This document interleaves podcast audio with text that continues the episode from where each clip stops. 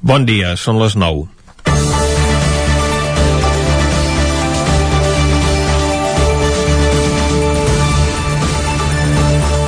Malgrat les mesures decretades per la Generalitat per frenar l'abans de la Covid-19 en aquesta segona onada, hem vist com aquest cap de setmana hi tornava a haver conductes poc recomanables per part de la gent no pas en actes esportius o culturals, perquè aquests, si no estan prohibits o cancel·lats, es duen a terme amb seients assignats i un gran control del flux d'espectadors.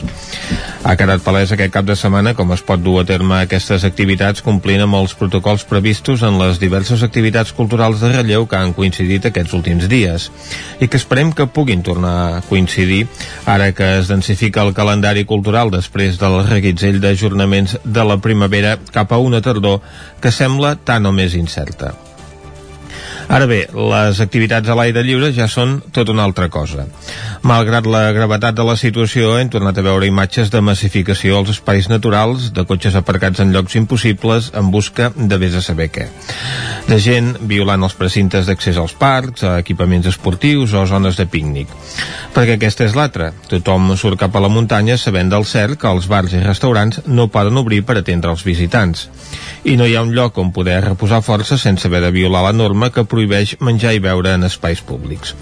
Avui en parlarem al nostre programa d'aquesta problemàtica que els pobles petits els afecta i no tenen mitjans per afrontar i que s'agreuja davant d'aquesta crisi sanitària.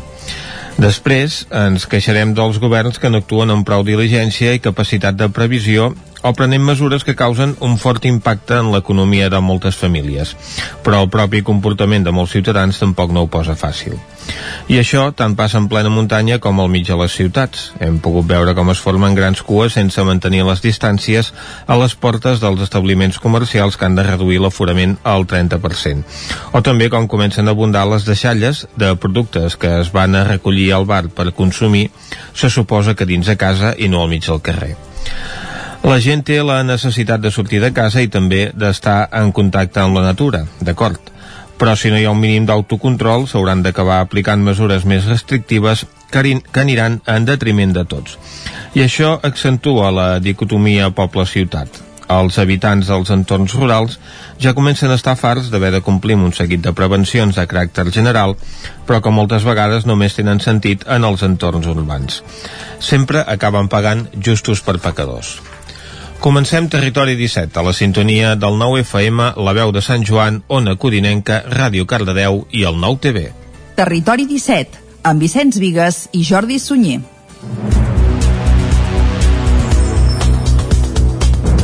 Són les 9 i 3 minuts del matí del dilluns dia 19 d'octubre de 2020. Comença aquí un nou Territori 17 que avui, com cada dilluns, tindrà un marcat caràcter esportiu, ja que farem tertúlia sobre la jornada de la Lliga de Futbol d'aquest cap de setmana i també farem un repàs als resultats dels principals equips del nostre territori en els pocs enfrontaments que hi ha hagut aquest cap de setmana, un cap de setmana marcat per les restriccions i l'anul·lació de molts eh, partits eh, per culpa, evidentment, de la Covid. També, com cada dilluns, coneixerem alguna novetat discogràfica d'àmbit nacional de la mà d'Arnau Jaumira i tot això i moltes coses més les farem des d'ara mateix i fins a les 12 del migdia i com sempre el que farem és arrencar posant-nos al dia tot fent un repàs a l'actualitat de les nostres comarques, les comarques del Ripollès, Osona, el Moianès i el Vallès Oriental.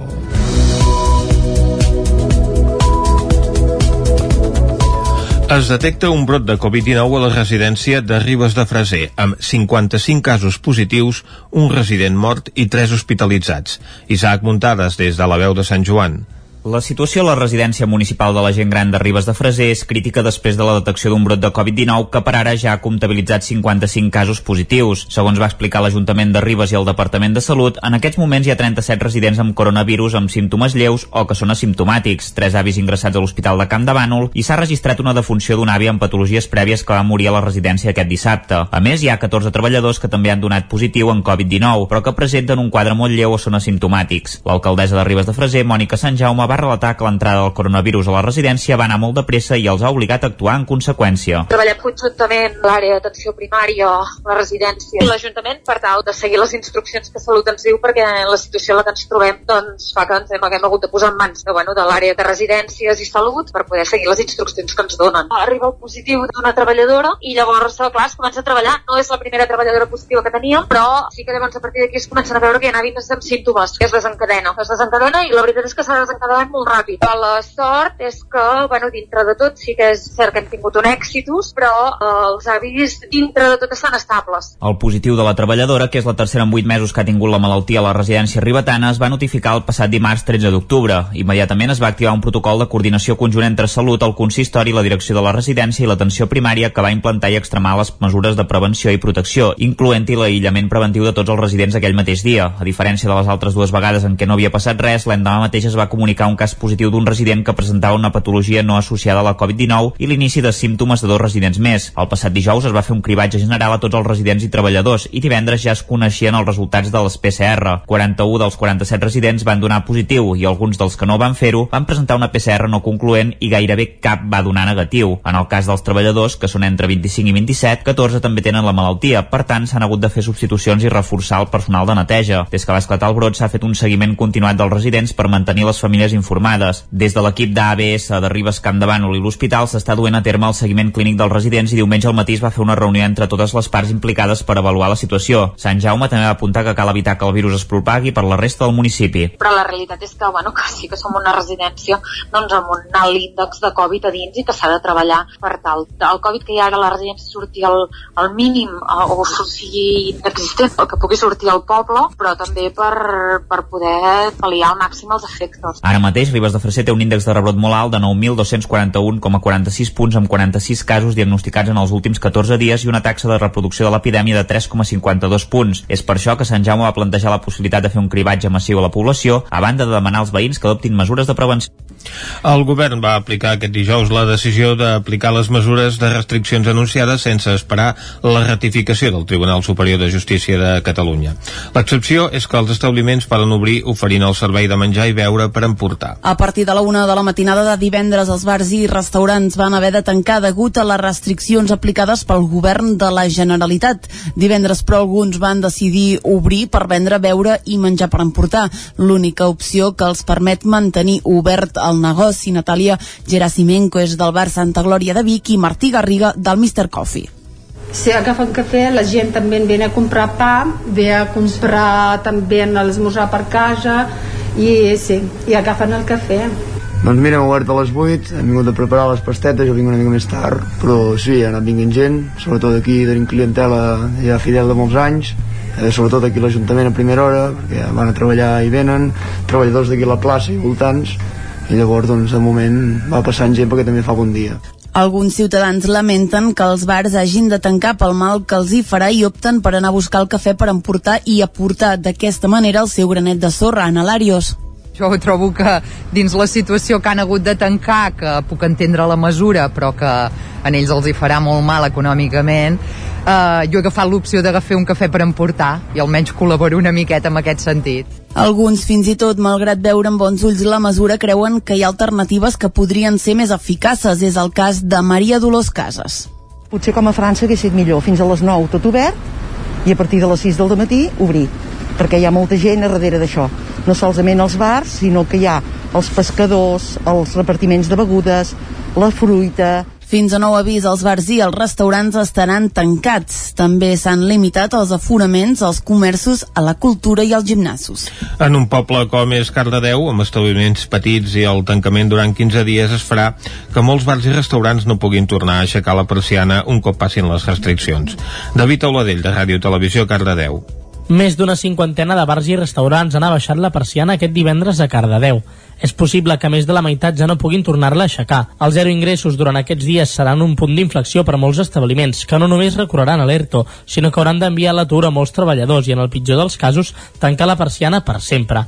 Andreu Vilà, propietari de l'Espai Cultural i Gastronòmic Tarambana. La restauració és una cosa que pot passar a molta gent, eh, però que vivim al, al límit eh, tenim uns preus que creiem que són preus populars perquè tothom hi tingui accés i llavors eh, viure el dia té això, no? que la que no treballes durant un temps eh, doncs tot s'ensorra i i quan hem, a, hem hagut de tancar aquests 12 dies has de pagar les baixes laborals a tothom igualment, no? que t'ingressi res i això és uh, molt, molt dur. Els bars i restaurants de la vila ja des del primer confinament van començar amb l'encàrrec a domicili i en aquesta segona tongada hi tornaran, inclús establiments que no ho havien fet abans. A més, l'Ajuntament i la xarxa de comerç han començat una campanya per ajudar tot el petit comerç que es vegi afectat arrel d'aquesta crisi sanitària. Divendres van entrar en vigor noves restriccions per frenar el contagi de coronavirus.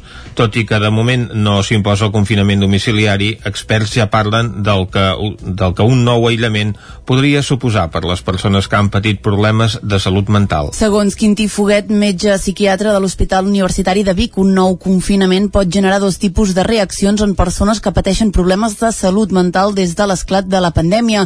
La primera podria ser l'increment de l'ansietat, l'angoixa i la sensació de tristesa per part de la persona que reviuria una situació que ja coneix. La segona seria tot el contrari, ja que precisament el fet d'haver viscut un primer confinament ajudaria a encarar-ne un de nou amb millor actitud. Segons el doctor Foguet, la pandèmia ha deixat empremta la salut mental de tothom. Això, diu, s'ha traduït en un augment de consultes a la unitat de psiquiatria i salut mental del Consorci Hospitalari de Vic. Les dades que ens han passat avui, aproximadament unes 150 persones van requerir atenció pels equips de suport psicològic que es van incluir en la primera onada, estem parlant de la primera onada, i no només eh, persona, persones eh, de l'àmbit eh, de fora de, de la professió, sinó també de la mateixa professió. 200, més de 200 professionals han tingut en algun moment necessitat d'atendre's al servei de psiquiatria uh -huh. per diferents eh, quadres des de lleus a més greus i s'han fet fins i tot més de 500 actuacions en aquest sentit, visites successives. No? Això a nivell de professionals, no, no només a l'àmbit de l'hospital, sinó també l'atenció primària. Els principals símptomes que han presentat fins ara les persones ateses són por, neguit per la incertesa, ansietat continuada de què passarà i també símptomes de tipus depressiu com tristesa o sensació d'aïllament. Segons Foguet, en aquests casos també és molt freqüent l'insomni. Per combatre aquests símptomes recomana seguir una bona dieta, intentar fer exercici físic, connectar amb els éssers més propers malgrat les barreres i evitar el consum de tòxics com l'alcohol. A Castellcí, un positiu en el grup d'infantil de l'escola La Popa causa el confinament d'una línia de l'escola. Aquesta és l'única entitat educativa de la comarca del Moianès afectada per la Covid-19. Caral Campàs, des d'Ona Codinenca. Els alumnes de P3, P4 i P5 de l'escola La Popa de Castellcí han quedat confinats durant 10 dies per tal de frenar possibles contagis. D'aquesta manera, l'escola aplica el protocol marcat des del Servei d'Ensenyament i el Departament de Salut de la Generalitat en cas de, detectar, de detectar un positiu. La regidora de Salut de Castellcí, Maria Balaguer, donava detalls del protocol a seguir. Doncs referent a, al confinament d'un dels grups de l'escola La Popa, um, s'ha confinat el grup de d'infantil, que és P3, P4 i P5, i estaran confinats, confinades 10 dies fins al 24 d'aquest mateix mes, d'octubre, i per tant el dia 26 ja podran tornar a l'escola. Aquest és el primer i únic cas de confinament a hores d'ara d'un grup escolar al Moianès des de la represa del curs. L'escola La Popa també té una línia d'educació primària que no s'ha vist afectada per cap positiu i que seguirà el curs amb normalitat. Cinc persones detingudes a Manlleu vinculades a un delicte de frau i estafa digital. Efectius de la Policia Nacional van desplegar dimecres un operatiu a Manlleu per tal de realitzar diverses entrades i escorcolls en domicilis del municipi. L'objectiu era estirar el fil d'una presumpta xarxa de frau i estafes econòmiques a través de la xarxa digital amb afectacions en països europeus. Durant l'operatiu a la comarca d'Osona, el cos policial va fer cinc detencions.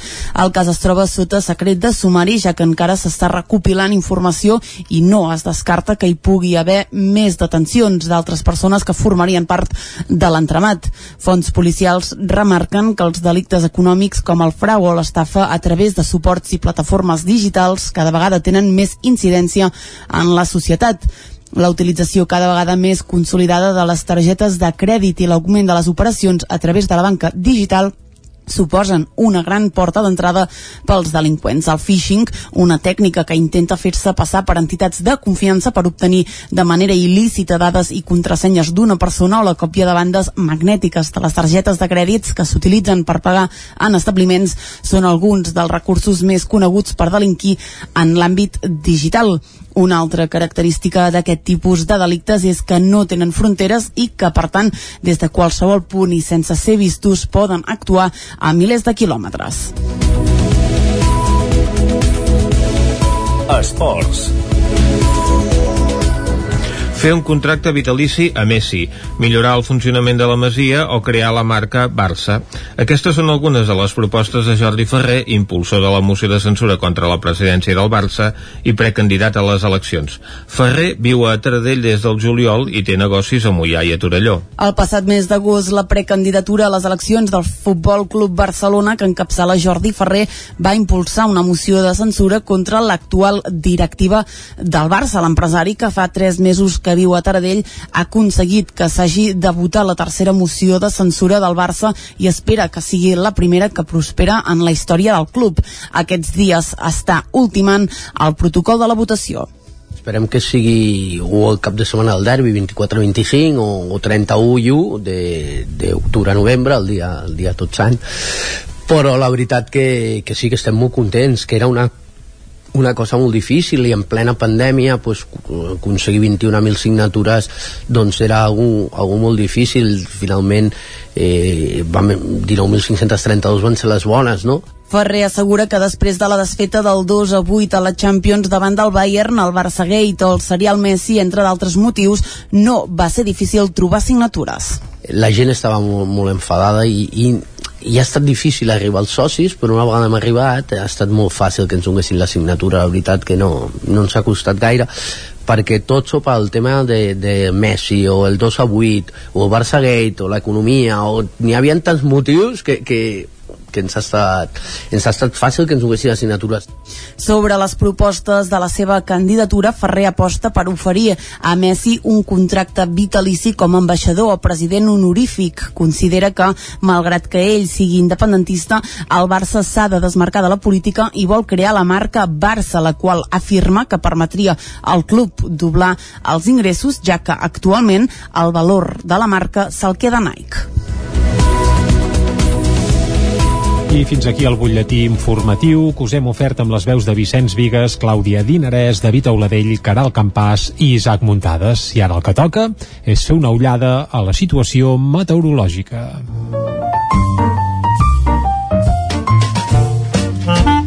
Casa Terradellos us ofereix el temps. I a Territori 17, quan parlem del temps, parlem amb el Pep Acosta. I el saludem ara mateix. Pep, molt bon dia.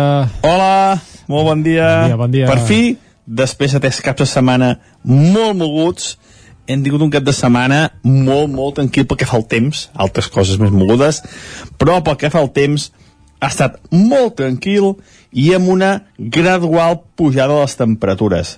Van tocar fons i vendes, però el cap de setmana han anat pujant, tant les mínimes com les màximes, tot i que les nits encara són força fredes.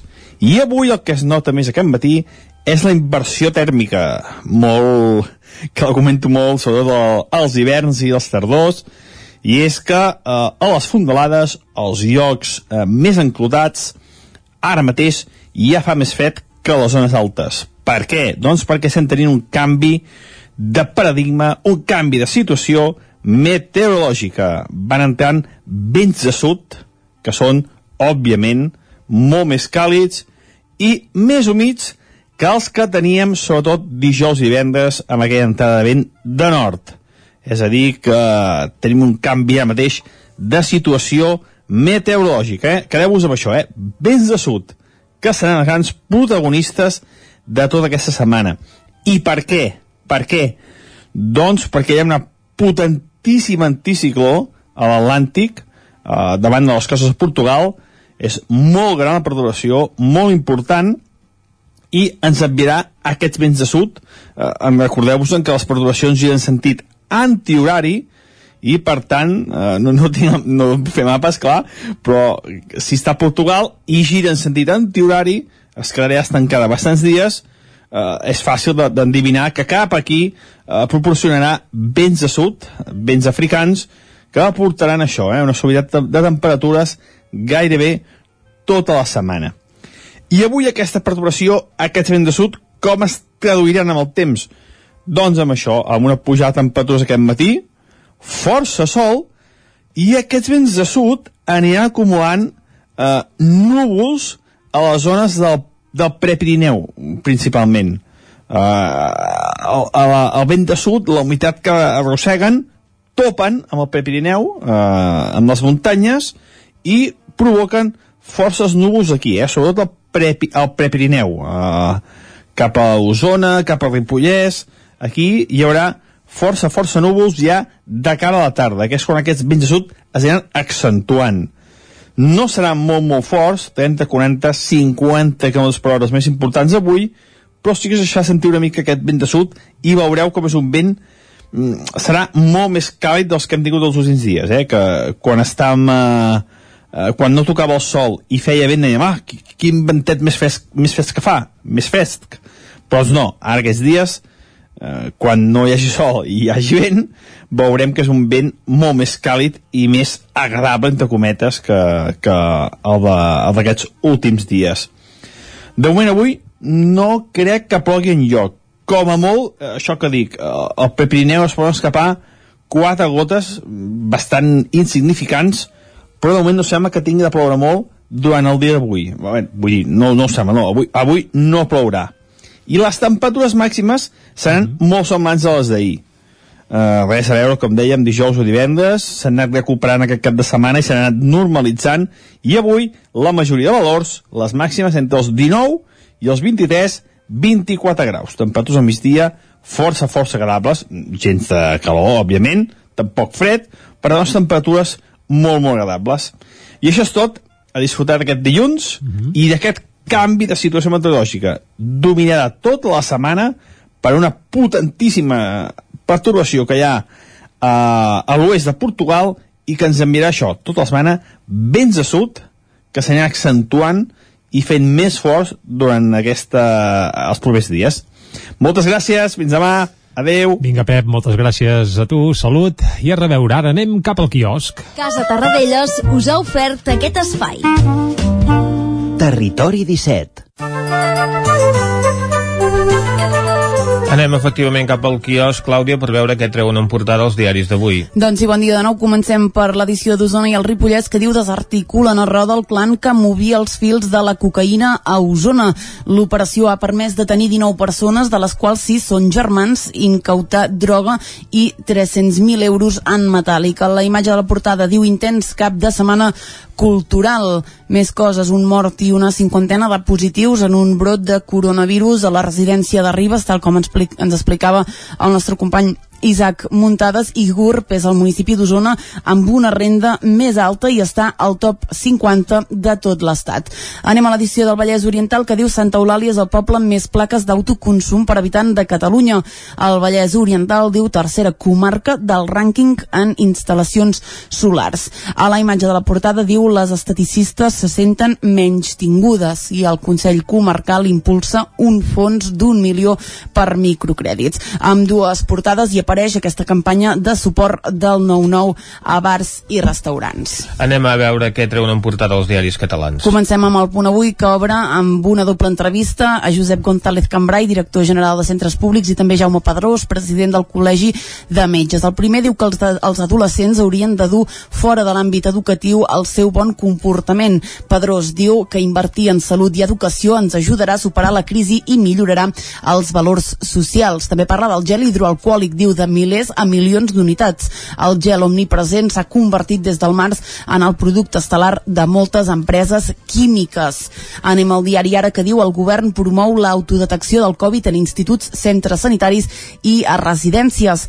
Alumnes i treballadors s'hauran de fer la prova nasal per guanyar rapidesa en la detecció de positius. A la imatge de la portada diu una presó per refugiats. Veiem la illa de Sarnos, a Grècia, on el govern, amb la complicitat de la Unió Europea, Europea, diu, allunya del focus mediàtic a les persones que hi arriben amb pateres. Al periòdico, els veïns insten a salvar la Rambla. Residents i comerciants clamen per una reforma que acumula uns quants anys de retard. Exigeixen un canvi de concepte de la via que vagi més enllà dels simples retocs estètics. A la imatge diu un diumenge a l'aire lliure per la falta de bars platges, muntanyes i parcs es van omplir ahir de visitants per disfrutar del bon temps sense terrasses. I acabem les portades catalanes amb la Vanguardia que diu el Partit Popular decidirà a última hora el seu vot en la moció de censura de Vox. Uh, la imatge en la mateixa línia que el periòdico diu pícnics als parcs, malgrat la prohibició. I el pont de Tots Sants posa en alerta als governs autonòmics. També parlen de política als diaris a Madrid. Comencem pel país que diu Espanya renuncia a demanar ara a la Unió Europea els 70.000 milions en crèdits. A la imatge de la portada diu massiu homenatge a França al professor degullat i l'executiu descarta perllongar l'alarma a Madrid però no veu alternativa legal. El Mundo diu el cop judicial de Sánchez li entrega també el control de la, del Constitucional. Casado es blindarà davant dels barons amb un canvi en la direcció de 15 províncies. Marlaska apropa ara a 12 dels assassins més cruels d'ETA i en una entrevista a José Manuel uh, Rodríguez Uribes, ministre de Cultura, uh, diu jo no he de fomentar anar als toros, al teatre sí, és pacífic, no agradarà gaire al món dels toros. I a la raó diu el bloc del centre-dreta puja davant la moció de Vox. Uh, també entrevisten a Juan Guaidó, president interí de l'Assemblea Nacional Venezolana, que diu ens preocupa molt que Iglesias doni suport a Maduro i el retard de la jubilació s'imposa en la reforma. I com sempre acabem amb l'ABC que diu el govern manté la pressió i prepara una tardor calenta. Intenta arraconar el Partit Popular per forçar-lo a pactar la renovació del Consell General del Poder Judicial. A la imatge, una imatge que hem vist anteriorment a altres portades espanyoles, on hi apareix una noia amb un cartell que diu soc professora, diu França s'afarta de l'islamisme radical. Milers de francesos van protestar ahir al crit de jo soc professor per rebutjar el terrorisme islàmic després de la brutal decapitació divendres d'un professor que va mostrar caricatures de Mahoma en una classe de llibertat d'expressió. És l'única imatge que veiem repetida en les portades d'avui, a part de La Vanguardia i el periòdico doncs, que també es fixen en aquesta ocupació dels espais públics aquests dies de confinament i tancament de bars i restaurants. Ara nosaltres tanquem la visita al quiosc i tornem tot seguit. El nou FM, la ràdio de casa, al 92.8. Vols trencar amb l'oligopoli de l'IBEX 35? Apunta't al consum estratègic i comença a consumir serveis catalans. Per això et convidem a omplir el dipòsit a Petrolis Independents. A Osona ens trobaràs al polígon Mas Galí de Vic i a Centelles just després de la sortida sud. Si vols factura, entra a la nostra pàgina web petrolisindependents.cat i dona't d'alta. Comença a ser independent. Tenim la força de l'amor. Cocodril Club. Si t'agrada la bona música dels anys 60, 70 i 80, escolta el 9 FM als matins de dissabtes i diumenges d'11 a 1. És el temps del Cocodril Club, tot un clàssic de la ràdio, amb les bases del pop-rock, les llegendes, les cançons que s'han convertit en autèntics himnes. Recorda, dissabtes i diumenges al matí, d'11 a 1, al 9 FM 92.8. Cocodril Club, el programa revival de l'Albert Malla. Hasta luego, cocodrilo. Cobertes serveis funeraris. Els nostres tanatoris estan ubicats en els nuclis urbans més poblats de la comarca d'Osona per oferir un millor servei. Tanatori de Vic, Tanatori de Manlleu, Tanatori de Centelles i Tanatori de Roda de Ter. Sabem que són moments difícils i per això el nostre compromís és atendre-us en tot moment amb un tracte humà, sensible i respectuós. Cobertes serveis funeraris.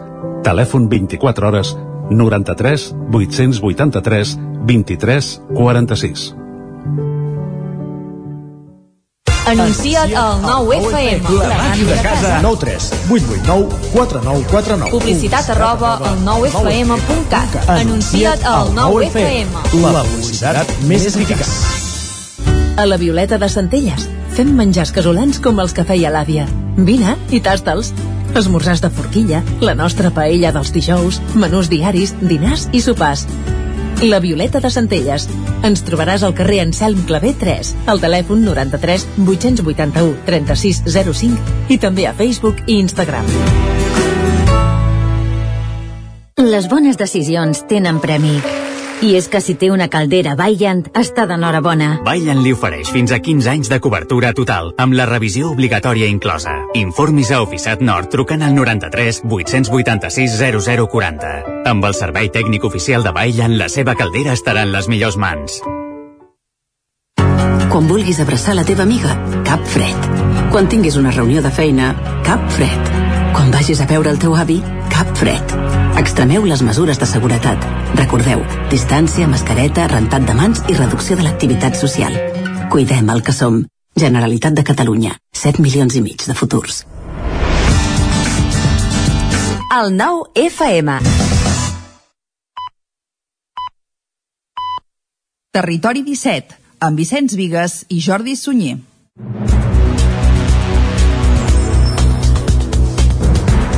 Són dos quarts de deu en punt d'avui dilluns, dia 19 d'octubre de 2020 i seguim aquí en directe a Territori 17 i us farem companyia fins a les 12 del migdia. I des d'ara i això fins a les 12 ens esperen encara moltes i moltes coses. Avui, per exemple, som dilluns i per tant tindrem un marcat caràcter esportiu al Territori 17. Per què? Doncs perquè acabarem el programa fent tertúlies sobre la jornada de Lliga d'aquest cap de setmana marcada pels Barça, per les punxades tant del Barça com del Madrid a l'espera del clàssic que arribarà al cap de setmana vinent. També farem un repàs als resultats dels principals equips del nostre territori, els resultats que hi ha hagut aquest cap de setmana en els pocs enfrontaments que s'han pogut fer i també com cada dilluns coneixerem alguna novetat discogràfica d'àmbit nacional de la mà d'Arnau Jaumira. Tot això i molt més des d'ara i fins a les 12 del migdia. El que toca ara per això és acostar-vos de nou l'actualitat de les nostres comarques, les comarques del Ripollès, Osona, el Moianès i el Vallès Oriental. Es detecta un brot de Covid-19 a la residència de Ribes de Freser, amb 55 casos positius, un resident mort i 3 hospitalitzats. Isaac Muntades, des de la veu de Sant Joan. La situació a la residència municipal de la gent gran de Ribes de Freser és crítica després de la detecció d'un brot de Covid-19 que per ara ja ha comptabilitzat 55 casos positius. Segons va explicar l'Ajuntament de Ribes i el Departament de Salut, en aquests moments hi ha 37 residents amb coronavirus amb símptomes lleus o que són asimptomàtics, tres avis ingressats a l'Hospital de Camp de Bànol i s'ha registrat una defunció d'un avi amb patologies prèvies que va morir a la residència aquest dissabte. A més, hi ha 14 treballadors que també han donat positiu en Covid-19, però que presenten un quadre molt lleu o són asimptomàtics. L'alcaldessa de Ribes de Freser, Mònica Sant Jaume, va relatar que l'entrada del coronavirus a la residència va anar molt de pressa i els ha obligat a actuar en conseqüència. Treballem conjuntament l'àrea d'atenció primària, la residència i l'Ajuntament per tal de seguir les instruccions que Salut ens diu perquè la situació en la que ens trobem doncs, fa que ens hem, haguem hagut de posar en mans de, bueno, de l'àrea de residències i salut per poder seguir les instruccions que ens donen. Arriba el positiu d'una treballadora i llavors, clar, es comença a treballar. No és la primera treballadora positiva que teníem, però sí que llavors a partir d'aquí es comencen a veure que hi ha hàbits amb símptomes. Es desencadena. Es desencadena i la veritat és que s'ha desencadenat molt ràpid. La sort és que, bueno, dintre de tot sí que és cert que hem tingut un èxitus, però eh, els avis dintre de tot estan estables. El positiu de la treballadora, que és la tercera en 8 mesos que ha tingut la malaltia a la residència ribetana, es va notificar el passat dimarts 13 d'octubre. Immediatament es va activar un protocol de coordinació conjunt entre Salut, el consistori, la direcció de la residència i l'atenció primària que va implantar i extremar les mesures de prevenció i protecció, incloent-hi l'aïllament preventiu de tots els residents aquell mateix dia. A diferència de les altres dues vegades en què no havia passat res, l'endemà mateix es va comunicar un cas positiu d'un resident que presentava una patologia no associada a la Covid-19 i l'inici de símptomes de dos residents més. El passat dijous es va fer un cribatge general a tots els residents i treballadors i divendres ja es coneixien els resultats de les PCR. 41 dels 47 residents van donar positiu i alguns dels que no van fer-ho van presentar una PCR no concloent i gairebé cap va donar negatiu. En el cas dels treballadors, que són entre 25 i 27, 14 també tenen la malaltia. Per tant, s'han hagut de fer substitucions i reforçar el personal de neteja. Des que va esclatar el brot s'ha fet un seguiment continuat dels residents per mantenir les famílies informades. Des de l'equip d'ABS de Ribes Camp de Bànol i l'hospital s'està duent a terme el seguiment clínic dels residents i diumenge al matí es va fer una reunió entre totes les parts implicades per avaluar la situació. Sant Jaume també va apuntar que cal evitar que el virus es propagui per la resta del municipi. Però la realitat és que, bueno, que sí que som una residència doncs, amb un alt índex de Covid a dins i que s'ha de treballar per tal. El Covid que hi ha ara a la residència surti al, al mínim eh, o sigui inexistent, el que pugui sortir al poble, però també per, per poder pal·liar al màxim els efectes. Ara mateix, Ribes de Freser té un índex de rebrot molt alt de 9.241,46 punts amb 46 casos diagnosticats en els últims 14 dies i una taxa de reproducció de l'epidèmia de 3,52 punts. És per això que Sant Jaume va plantejar la possibilitat de fer un cribatge massiu a la població, a banda de demanar als veïns que adoptin mesures de prevenció. El govern va aplicar aquest dijous la decisió d'aplicar les mesures de restriccions anunciades sense esperar la ratificació del Tribunal Superior de Justícia de Catalunya. L'excepció és que els establiments poden obrir oferint el servei de menjar i beure per emportar. A partir de la una de la matinada de divendres, els bars i restaurants van haver de tancar degut a les restriccions aplicades pel govern de la Generalitat. Divendres, però, alguns van decidir obrir per vendre, beure i menjar per emportar. L'única opció que els permet mantenir obert el negoci. Natàlia Gerasimenko és del bar Santa Glòria de Vic i Martí Garriga del Mr. Coffee. Si agafen cafè, la gent també ve a comprar pa, ve a comprar també l'esmorzar per casa i sí, i agafen el cafè. Doncs mira, hem obert a les 8, hem vingut a preparar les pastetes, jo vinc una mica més tard, però sí, ha anat vinguent gent, sobretot aquí tenim clientela ja fidel de molts anys, eh, sobretot aquí l'Ajuntament a primera hora, perquè van a treballar i venen, treballadors d'aquí a la plaça i voltants, i llavors doncs de moment va passant gent perquè també fa bon dia. Alguns ciutadans lamenten que els bars hagin de tancar pel mal que els hi farà i opten per anar a buscar el cafè per emportar i aportar d'aquesta manera el seu granet de sorra en Alarios. Jo trobo que dins la situació que han hagut de tancar, que puc entendre la mesura, però que a ells els hi farà molt mal econòmicament, eh, jo he agafat l'opció d'agafar un cafè per emportar i almenys col·laboro una miqueta en aquest sentit. Alguns, fins i tot, malgrat veure amb bons ulls la mesura, creuen que hi ha alternatives que podrien ser més eficaces. És el cas de Maria Dolors Casas. Potser com a França hagués sigut millor, fins a les 9 tot obert i a partir de les 6 del matí obrir perquè hi ha molta gent a darrere d'això. No solament els bars, sinó que hi ha els pescadors, els repartiments de begudes la fruita fins a nou avís, els bars i els restaurants estaran tancats. També s'han limitat els aforaments als comerços, a la cultura i als gimnasos. En un poble com és Cardedeu, amb establiments petits i el tancament durant 15 dies es farà que molts bars i restaurants no puguin tornar a aixecar la persiana un cop passin les restriccions. David Auladell, de Ràdio Televisió, Cardedeu. Més d'una cinquantena de bars i restaurants han abaixat la persiana aquest divendres a Cardedeu és possible que més de la meitat ja no puguin tornar-la a aixecar. Els zero ingressos durant aquests dies seran un punt d'inflexió per a molts establiments, que no només recorreran a l'ERTO, sinó que hauran d'enviar l'atur a molts treballadors i, en el pitjor dels casos, tancar la persiana per sempre.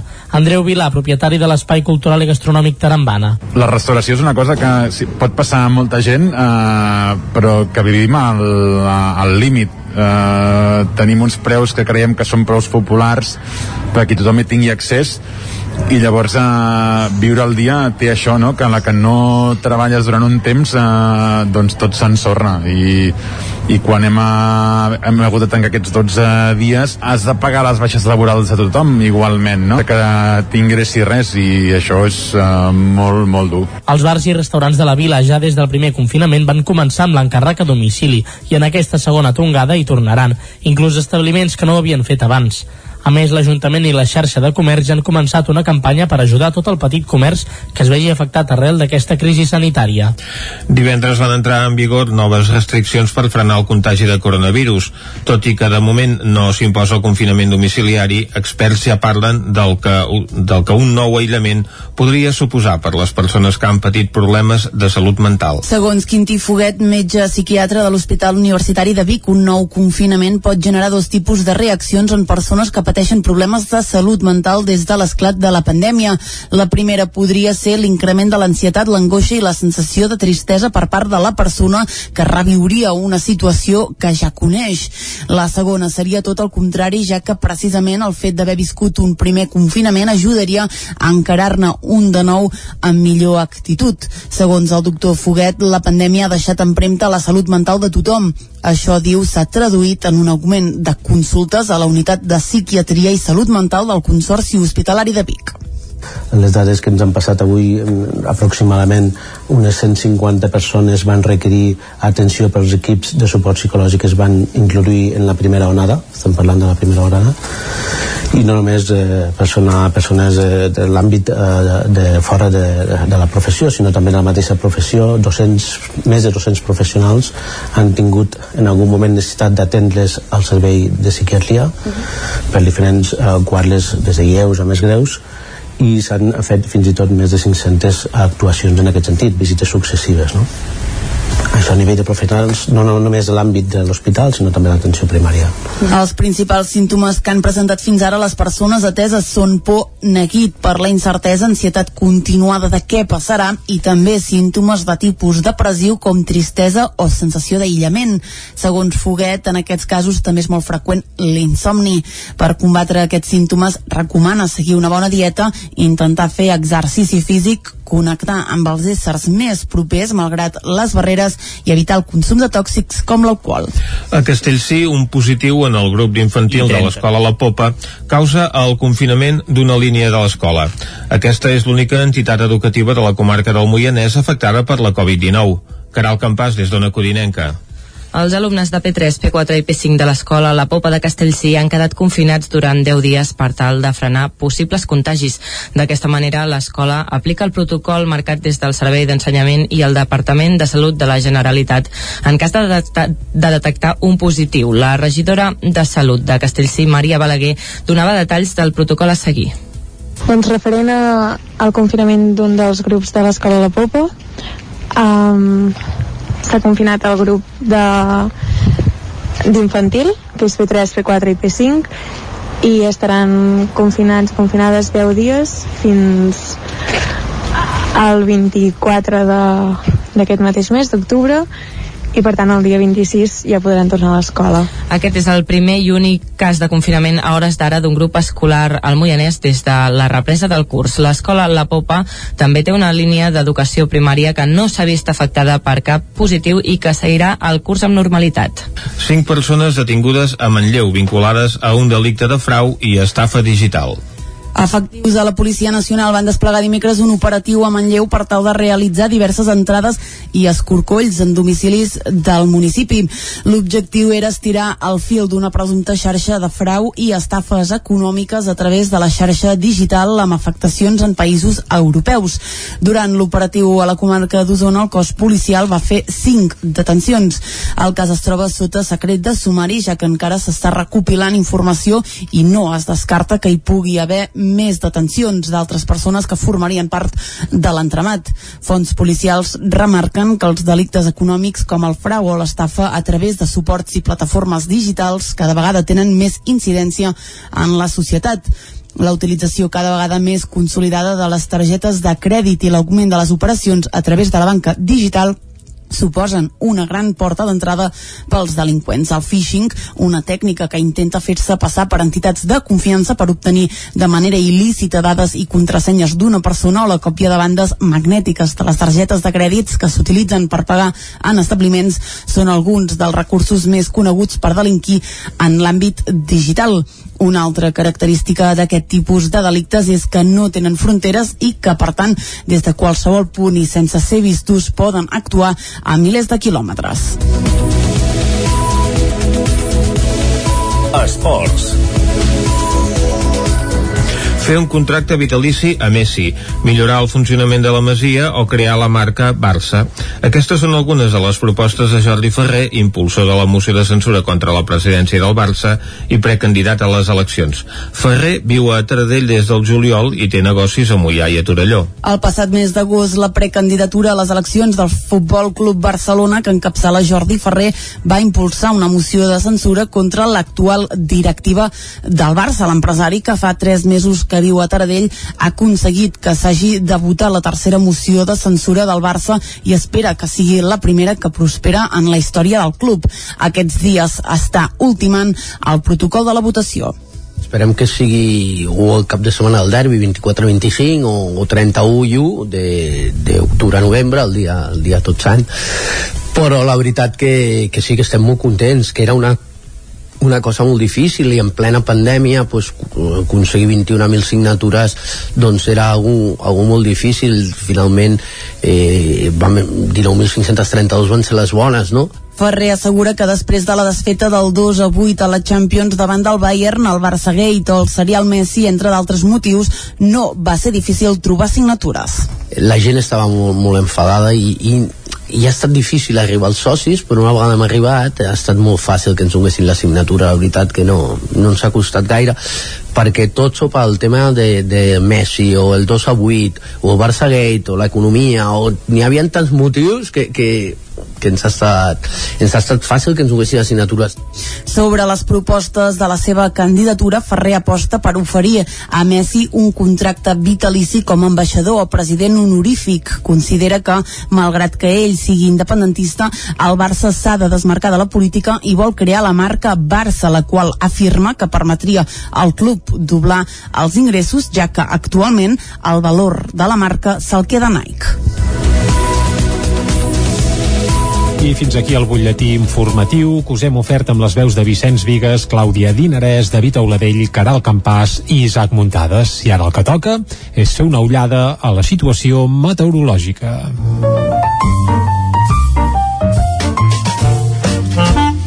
Casa Terradellos us ofereix el temps. I a Territori 17, quan parlem del temps, parlem amb el Pep Acosta. I el saludem ara mateix. Pep, molt bon dia. Hola, molt bon dia. Bon dia, bon dia. Per fi, després de tres caps de setmana molt moguts, hem tingut un cap de setmana molt, molt tranquil pel que fa al temps, altres coses més mogudes, però pel que fa al temps ha estat molt tranquil i amb una gradual pujada de les temperatures. Van tocar fons i vendes, però el cap de setmana han anat pujant, tant les mínimes com les màximes, tot i que les nits encara són força fredes. I avui el que es nota més aquest matí és la inversió tèrmica, molt, que la comento molt, sobretot als hiverns i els tardors, i és que eh, a les fondalades, als llocs eh, més enclotats, ara mateix ja fa més fred que a les zones altes. Per què? Doncs perquè estem tenint un canvi de paradigma, un canvi de situació meteorològica. Van entrant vents de sud, que són, òbviament, molt més càlids i més humits que els que teníem sobretot dijous i divendres amb aquella entrada de vent de nord. És a dir, que tenim un canvi ara mateix de situació meteorològica. Eh? Quedeu-vos amb això, eh? Vents de sud, que seran els grans protagonistes de tota aquesta setmana. I per què? Per què?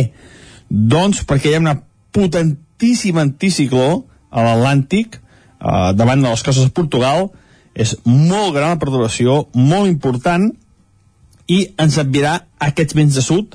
Eh, Recordeu-vos que les perturbacions giren en sentit antihorari, i per tant, eh, no, no, tinc, no fer mapes, clar, però si està a Portugal i gira en sentit antihorari, es quedarà estancada bastants dies, eh, és fàcil d'endivinar que cap aquí eh, proporcionarà vents de sud, vents africans, que aportaran això, eh, una suavitat de, temperatures gairebé tota la setmana.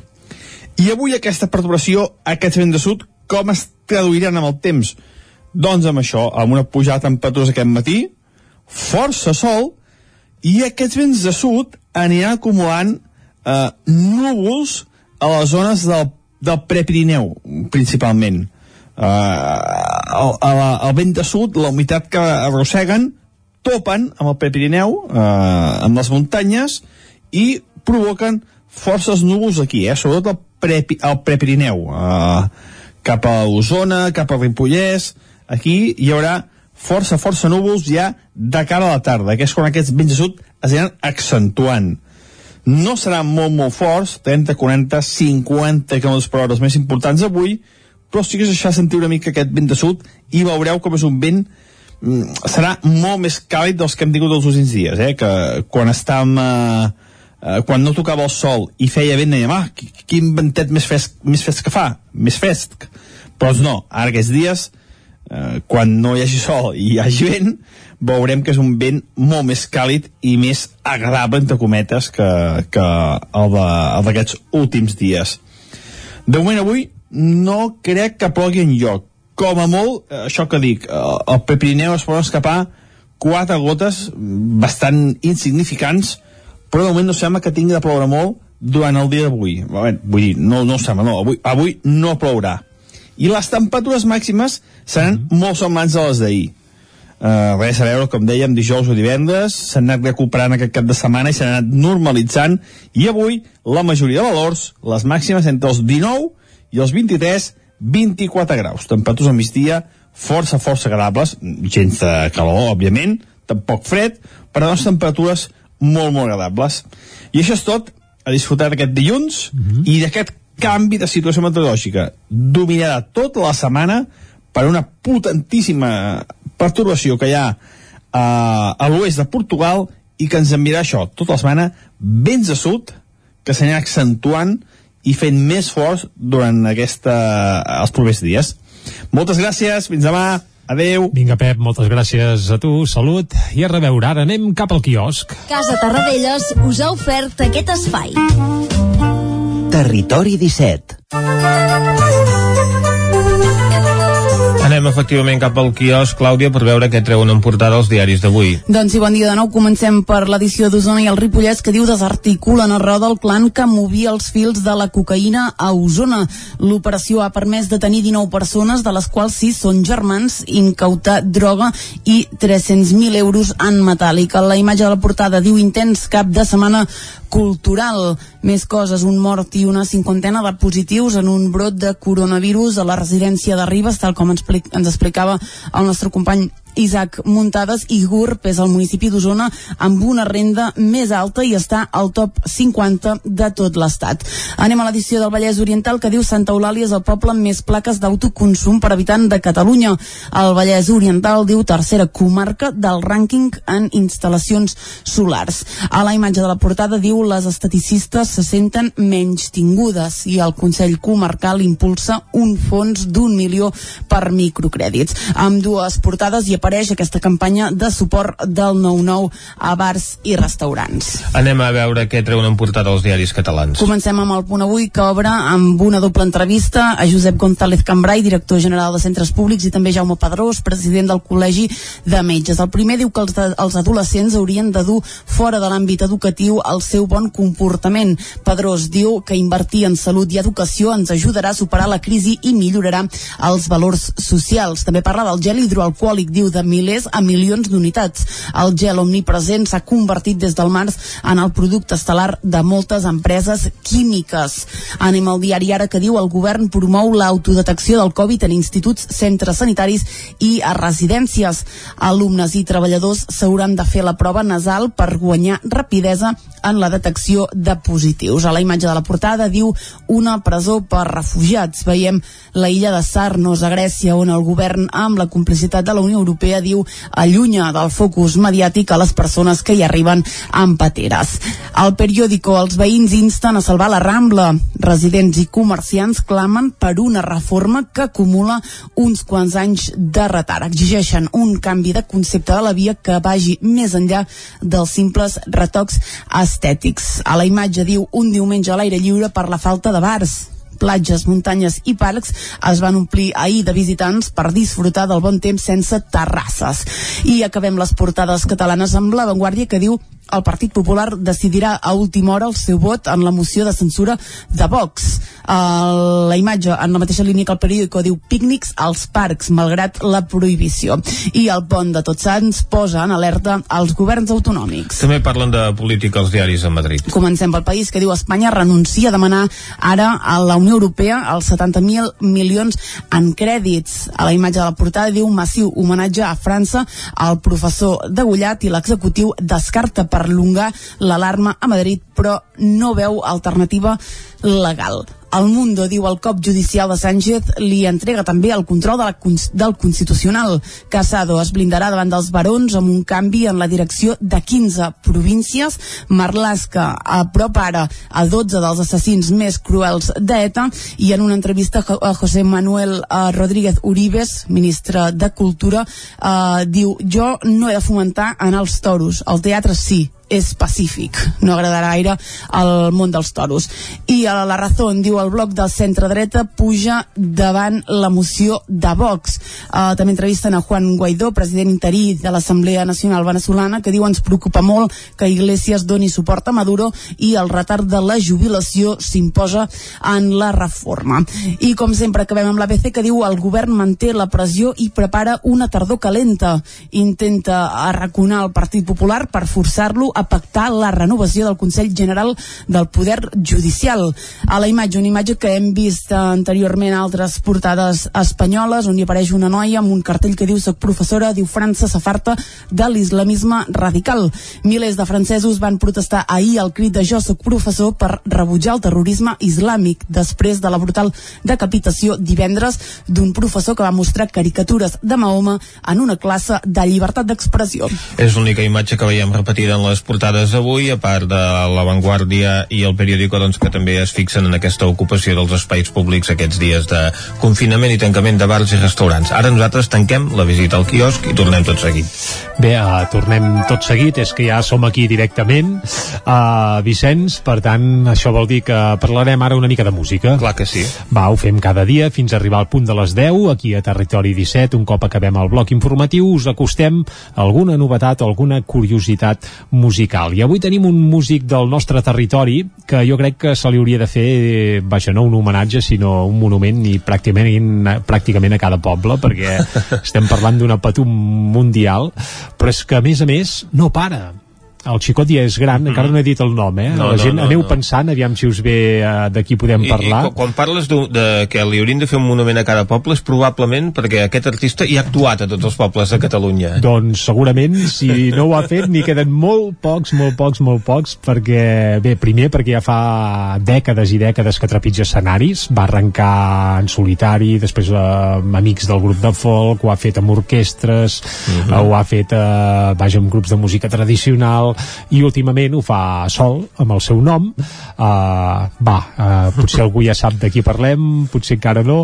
Bé, estem parlant del Jaume Arnella, uh -huh. uh, aquest musicàs de Santa Eulàlia de Ronçana, que tot i que ja té una edat, continua al peu del canó i aquests uh, dies, és a dir, aquesta setmana, ha publicat un nou disc. Carai. El disc es diu Com t'ho diria, cançons de confinament, i tal com es pot desprendre del seu nom, doncs el va fer durant el confinament. Uh -huh. El Jaume, aquests mesos de confinament, penjava una cançó cada dia algunes de noves, algunes del seu repertori ja tradicional, i una de les que va penjar és Ja n'hi ha prou, una peça que havia fet l'any 2009, però que té tota la vigència i la va regravar, la va repenjar, i ara és una de les peces que hi ha en aquest nou disc del Jaume Arnella, que si et sembla escoltem Clar que sí. directament. Doncs escoltem la peça Ja n'hi ha prou. La lletra eh, no té pèrdua.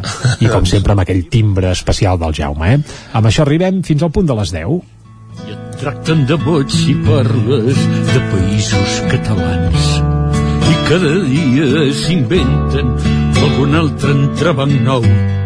No és estrany si sents que et puja ben de dins un ja n'hi ha prou. Ja n'hi ha prou. Ja n'hi ha prou. Quan els polítics de casa et duen a un carreró que es veu que no té sortida i que no és cap solució. Quan no és a tu aquí defensen perquè ells estan pel seu show. No és estrany si sents que et puja ben de dins un ja n'hi ha prou.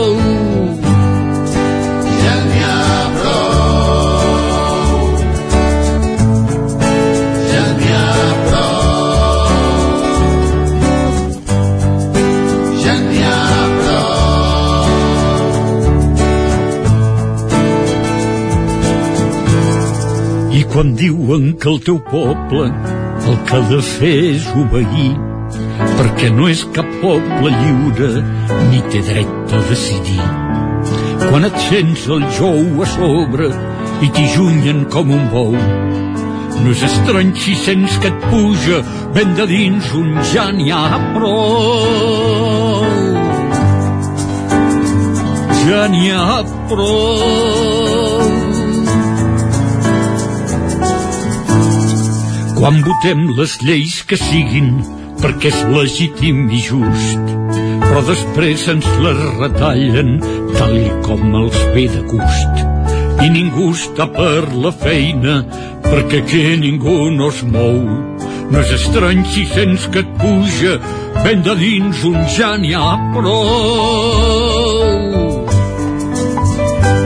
Ja n'hi ha prou. I quan veus que ens espolien i que el que fan no té nom i ens diuen insolidaris i que el cafè és per tothom.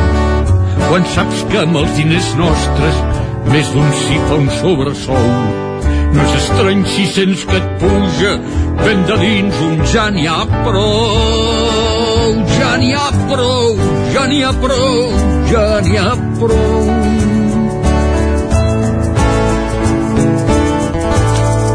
Quan et diuen que et moderis, que es contingui el personal i no obris noves vies de construcció nacional. I tot tu ets una ferida que et rosega i que et cou. No és estrany si sents que et puja ben de dins un ja n'hi ha prou, ja n'hi ha prou, ja n'hi ha prou, ja n'hi ha prou, ja n'hi ha prou.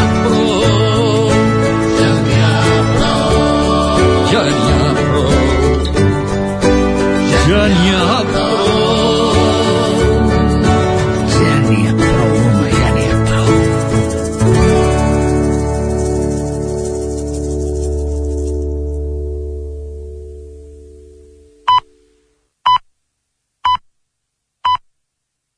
I a les 10 en punt, després de constatar que ja n'hi ha prou, torna la informació de les nostres comarques, les comarques del Ripollès, Osona, el Moianès i el Vallès Oriental. Les dades de matriculació a la Universitat de Vic, Universitat Central de Catalunya, podrien mantenir-se o fins i tot créixer aquest curs malgrat la pandèmia. Ho va dir el rector de la UBIC, Josep Aladi Baños, en l'acte inaugural del curs 2020-2021, que va retre homenatge a l'exdiputat al Parlament Enric Castellnou i el fins fa poc alcalde de Manresa, Valentí Junyent. Una cinquantena de persones omplien dijous l'aula magna de la Universitat de Vic en l'acte inaugural del curs 2020-2021 que va coincidir amb el primer dia de restriccions en les classes presencials. Un escenari que convidava a un pessimisme que el rector Josep Aladibanyos va aconseguir combatre apuntant que tot i la pandèmia el nou curs arrenca amb bones dades de matriculació. Voldria que el lema d'aquest curs fora Prudentia, Ambitio et Fortuna. Això ha estat possible amb els moments de màxima incertesa i ho ha de ser amb el futur, especialment quan tot apunta a que la matrícula de grau es mantindrà i potser augmentarà una mica aquest curs. L'exdiputat al Parlament Enric Castellnou i el fins fa poc alcalde de Manresa, Valentí Junyent, van rebre les medalles institucionals, la màxima distinció que concedeix la Universitat de Vic. A Castellnou se li va reconèixer la seva aportació perquè la capital usonenca recuperés la universitat. Recuperar la universitat que un rei Borbó, al segle XVIII, havia rebassat. Tenint en compte que l'Ajuntament de Vic, en aquell moment, va planejar durant 80 anys per recuperar-lo, sense èxit. Per tant, primer argument, recuperar la universitat que ja havíem tingut. L'acte va tenir un moment especialment emotiu al recordar Jordi Cano, director de l'estudi de disseny UMODC i Ubic Media, mort a l'abril víctima del coronavirus. Castellterçol començarà la campanya de vacunació de la grip demà, amb un dispositiu especial per prevenir contagis de la Covid-19. Caral Campàs, des d'Ona Codinenca. Aquest any la vacunació a Castellterçol a partir de demà 20 d'octubre es durà a terme fora del centre d'atenció primària de la vila per seguretat de pacients i professionals. Serà a les escoles velles i s'ha de demanar hora a l'espai web de l'Institut Català de Salut a l'apartat de cita prèvia o trucant al centre de salut. La vacuna antigripal és la mesura de prevenció primària fonamental per protegir la població de la grip i les seves complicacions. El virus es troba en un canvi constant i per aquest motiu la vacuna es modifica cada any i s'ha d'administrar anualment. La vacunació s'adreça especialment a les persones que tenen un alt risc de complicacions si la pateixen i també als que poden transmetre-la a aquest col·lectiu. Els grups de persones que preferiblement s'haurien de vacunar de la grip són gent a partir dels 60 anys, persones amb malalties cròniques, embarassades, infants de 6 mesos i 2 anys amb antecedents de prematuritat, eh, infants i adolescents entre 6 mesos i 18 anys i professionals de la salut i que realitzen serveis per la comunitat. Cinc persones detingudes a Manlleu vinculades a un delicte de frau i estafa digital. Efectius de la Policia Nacional van desplegar dimecres un operatiu a Manlleu per tal de realitzar diverses entrades i escorcolls en domicilis del municipi. L'objectiu era estirar el fil d'una presumpta xarxa de frau i estafes econòmiques a través de la xarxa digital amb afectacions en països europeus. Durant l'operatiu a la comarca d'Osona, el cos policial va fer cinc detencions.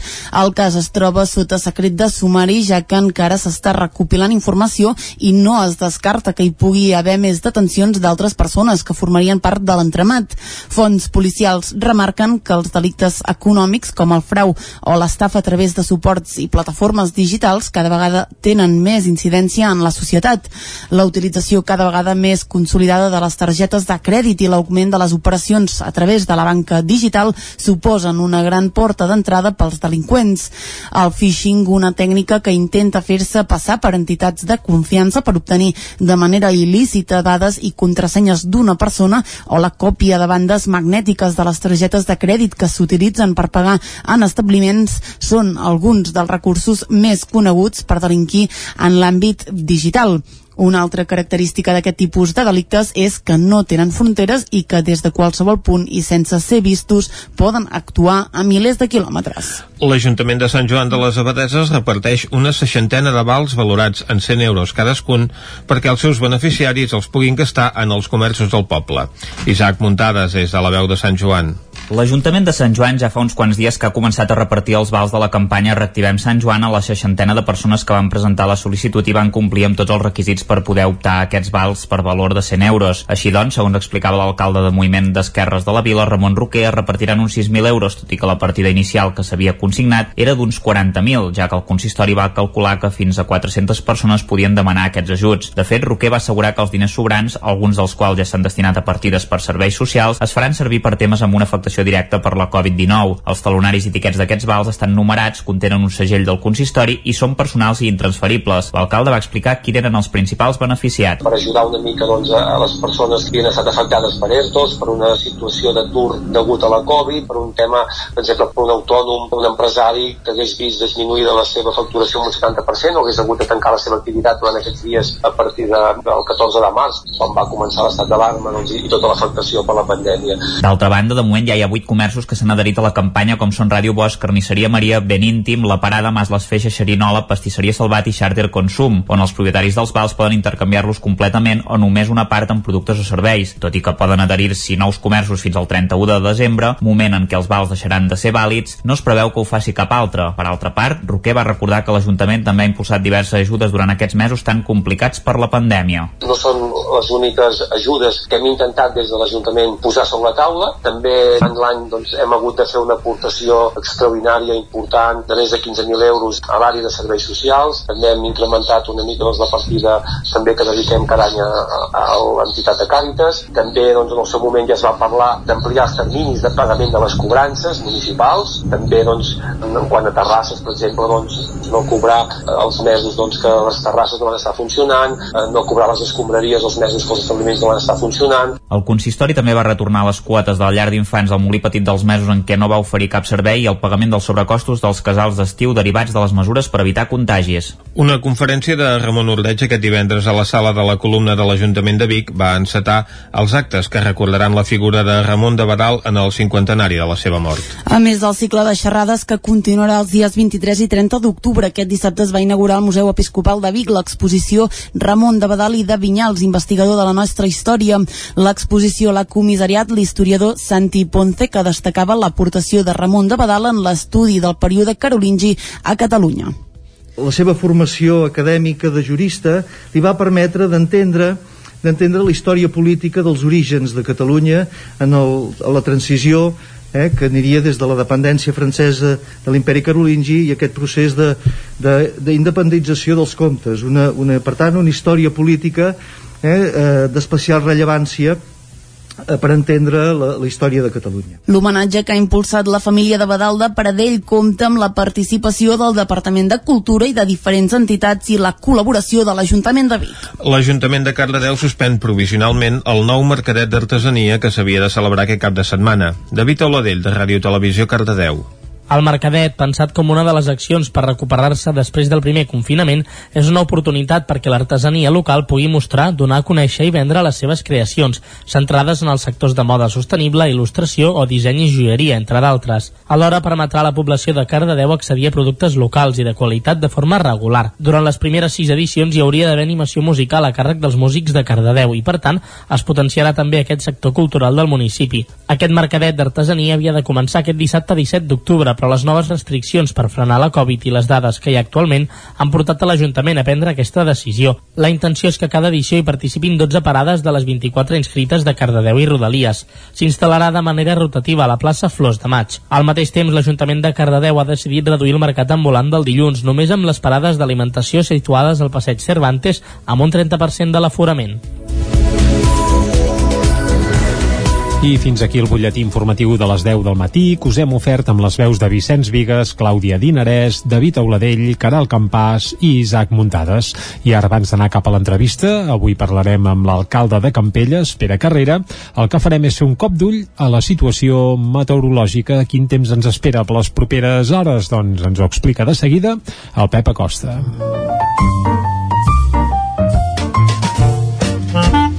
Casa Terradellos us ofereix el temps.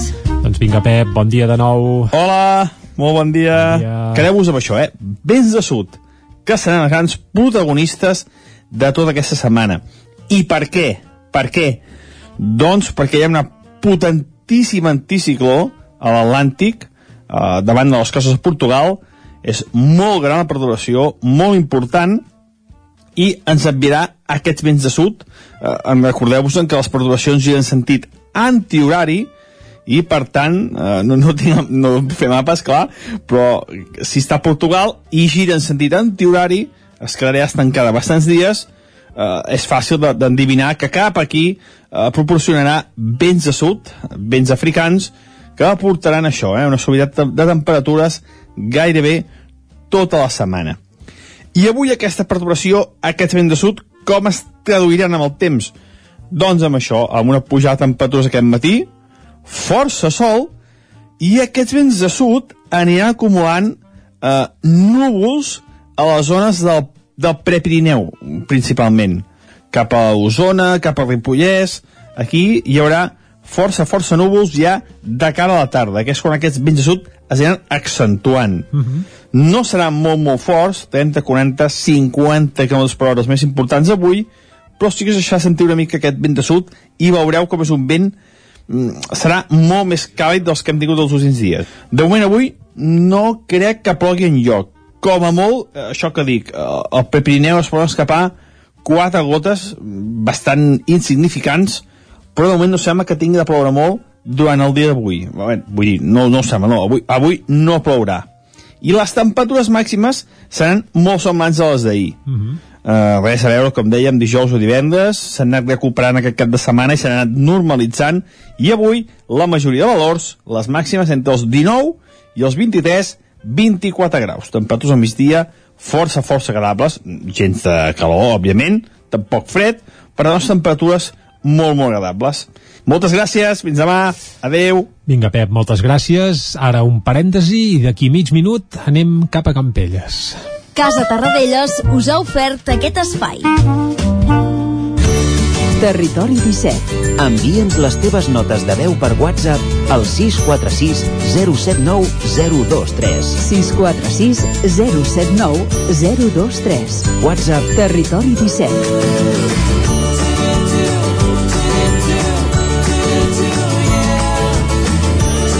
Territori 17. Som a Facebook, Twitter i Instagram amb l'usuari Territori 17.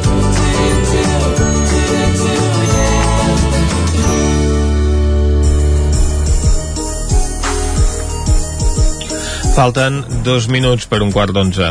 El cap de setmana del Pont del Pilar, Campelles va ser envaïda per un munt de boletaires i turistes d'arreu de Catalunya i es va produir una massificació de gent força important als boscos de l'entorn. A més, al terme municipal s'hi van fer activitats prohibides, com l'acampada a l'aire lliure, l'aparcament d'autocaravanes en zones on no podien, o l'encesa de barbacoes. Una situació que va molestar l'Ajuntament campellenc i que no vol que es torni a repetir. Parlem d'aquesta aquesta problemàtica? Des de la veu de Sant Joan, on hi tenim l'Isaac Muntades. Bon dia, Isaac.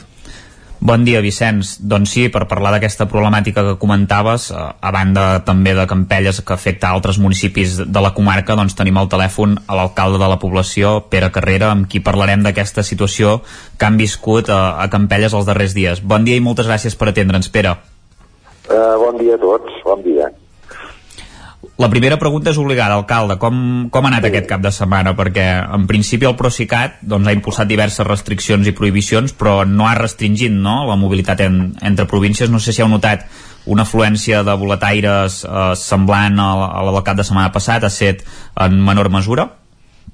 Sí, eh, bueno, eh, ha sigut en menor mesura, poder, potser perquè degut als bolets ja comencen a donar de baixa, també fa, ha fet algunes de fred, eh, no hi ha hagut la massificació del Pons del Pilar i de la Diada i d'algun cap de setmana. Però si fos com ha sigut aquesta setmana, eh, seria passable sempre. Eh? I la, la cosa ens ha placat ja, ja va bé. I pot haver influït també el fet que s'hagin hagut de tancar els bars i restaurants, eh, aquesta disminució doncs, de la visita de gent, o això també ho, ho complica més per un ajuntament petit com el vostre, perquè la gent es porta el menjar de casa i deixa les deixalles al bosc? Bueno, eh, el que he dit abans, segurament és, és degut al fred i de que els bolets aquí dalt ja donen de baixa. Uh -huh. eh, clar, la gent sempre porta, sempre hi ha aquell que, que es porta doncs, l'entrepà o es queda a dinar i de més. Vull dir, no, no crec que hagi influït els bars, eh? Uh -huh. No sé com vau viure la setmana del pont, Pere, aquí, què va passar aquí a Campelles? Explica'ns una mica tota la, la cronologia tots els fets que, que van passar i si, i si en veuen advertir els Mossos d'Esquadra. Sí, bueno, els Mossos d'Esquadra, tant com els agents rurals, estan advertits i respon força bé en quant a visites cap aquí dalt al bosc per controlar tots aquests, eh, aquests actes incívics i, en fi, eh, aquests comportaments que no, no són desitjables. Eh, el que passa que, esclar, l'incivisme aquest a vegades és molt difícil eh, enxampar la persona eh, que en aquell moment deixa les deixalles. Això, això, això és difícil. El que sí eh, s'ha enxampat algú és fent foc eh, fora de barbacoes, això sí. O hasta algú eh, mm, que tenia la tenda de campanya posada. Aquestes coses, bueno, mm, s'han anat s'han anat eh, vigilant, però bueno, sempre hi ha eh, el dia aquell que els Mossos no pugen als rurals perquè no poden estar tot el dia allà vigilant els d'això, però sí, sí, si la gent fos més cívica eh, tots aquests problemes no hi serien. Sí, ens han destrossat algú les barbacoes, eh, es, va, es va presentar al refugi, eh, tot això ho han tret tot. Fins inclús es va tancar la porta allò amb una mica de, eh, amb visos, allò collada i de més, i bueno, ho han, ho han rebentat tot. Vull dir que la gent de vegades ja gràcies a Déu no són tots, segur que són quatre. Eh? Vull dir, no, ara no culpem aquí a tothom. Però, bueno, no, no és desitjable això. Eh? perquè l'Ajuntament, eh, com ens explicaves, veu decidir tancar aquests refugis, el del Pla de Prats i el de la Cubil, us heu, us heu trobat doncs, que han violat aquest eh, tancament i, sí, i, sí, sí. però sí, sí, el, la gent que comet aquests actes són, són boletaires també o són ja eh, doncs, eh, gent incívica que no va bueno, doncs, al bosc eh, sí, sí, si són boletaires o no són boletaires però això no ho sé. Mm -hmm. però bueno eh, que, que, han trencat els precintos, que els han tret i que, en fi, eh, tal com es va clavar el forriac de la porta, doncs, bueno, ja l'han desclavat i, i han entrat a dintre i tot això, sí, sí, sí això, és, això és veritat, si són bogotaires o no, això no sap mai. Aquí dalt sempre han pujat a vegades jovent a fer festes en aquests refugis. Mm -hmm.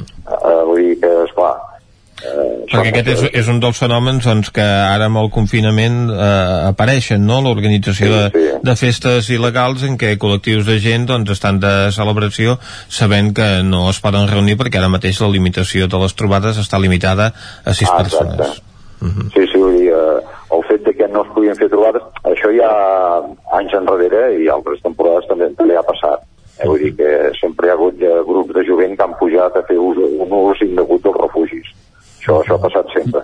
Passa que ara, potser degut a la pandèmia, s'ha accentuat un pèl més, això. Eh? S'ha accentuat un pèl més. Sí, sí. Mm -hmm. I, i de fet, Pere, eh, comentes aquest refugi no és un lloc precisament allò molt, molt accessible, no? Vull dir que també s'hi ha d'anar expressament, està a, força altitud, vull dir que també és curiós no? que els joves aprofitin per anar en, en aquests llocs doncs, a fer els, els clàssics botellons. Bueno, uh, sí, sí, vull dir, s'hi ha d'anar expressament, vull dir, el que dius tu, que és, estan a una certa alçada, s'ha de fer tota una pista forestal, però bueno, amb tot i això ho fan. Vull dir, si no poden fer-ho per aquí els pobles perquè estan més controlats amb els Mossos d'Esquadra i de més, doncs bueno, pugen aquí dalt, o millor poden ser hasta 10 o 12, i inclús si poden, si poden portar últimament hi vaig trobar-hi hi van trobar-hi un, un equip de música i tot, enxufat allà amb una bateria. Vull dir que Sí, sí, vull dir, fan, fan, fan de les seves. Perquè amb, amb aquesta problemàtica que, que és comuna a, a tota la comarca, no sé si n'heu parlat amb d'altres ajuntaments del Ripollès, si aneu coordinats també amb els Mossos d'Esquadra, ja no només per perseguir aquestes activitats il·legals, sinó també doncs, per regular eh, aquesta problemàtica que provoquen els boletaires doncs, a tota la comarca, no només a Campella, sinó que en molts altres municipis on també hi va molta gent a collir bolets en aquesta època de l'any. Això se n'ha parlat amb el cap de Mossos d'Esquadra, tant jo com, com els altres alcaldes d'aquí a la comarca, doncs, de, bueno, eh, els Mossos d'Esquadra poder fer acte de presència i controlar eh, aquests indrets que a vegades es massifiquen massa, hi ha aquests descontrols, aquest jovent, i bueno, eh, tant ells com els agents rurals, vull dir, oh, eh, van a donar la volta i ho controlen, ho vigilen, però clar, això no hi poden ser-hi cada hora, aquest és el, el problema.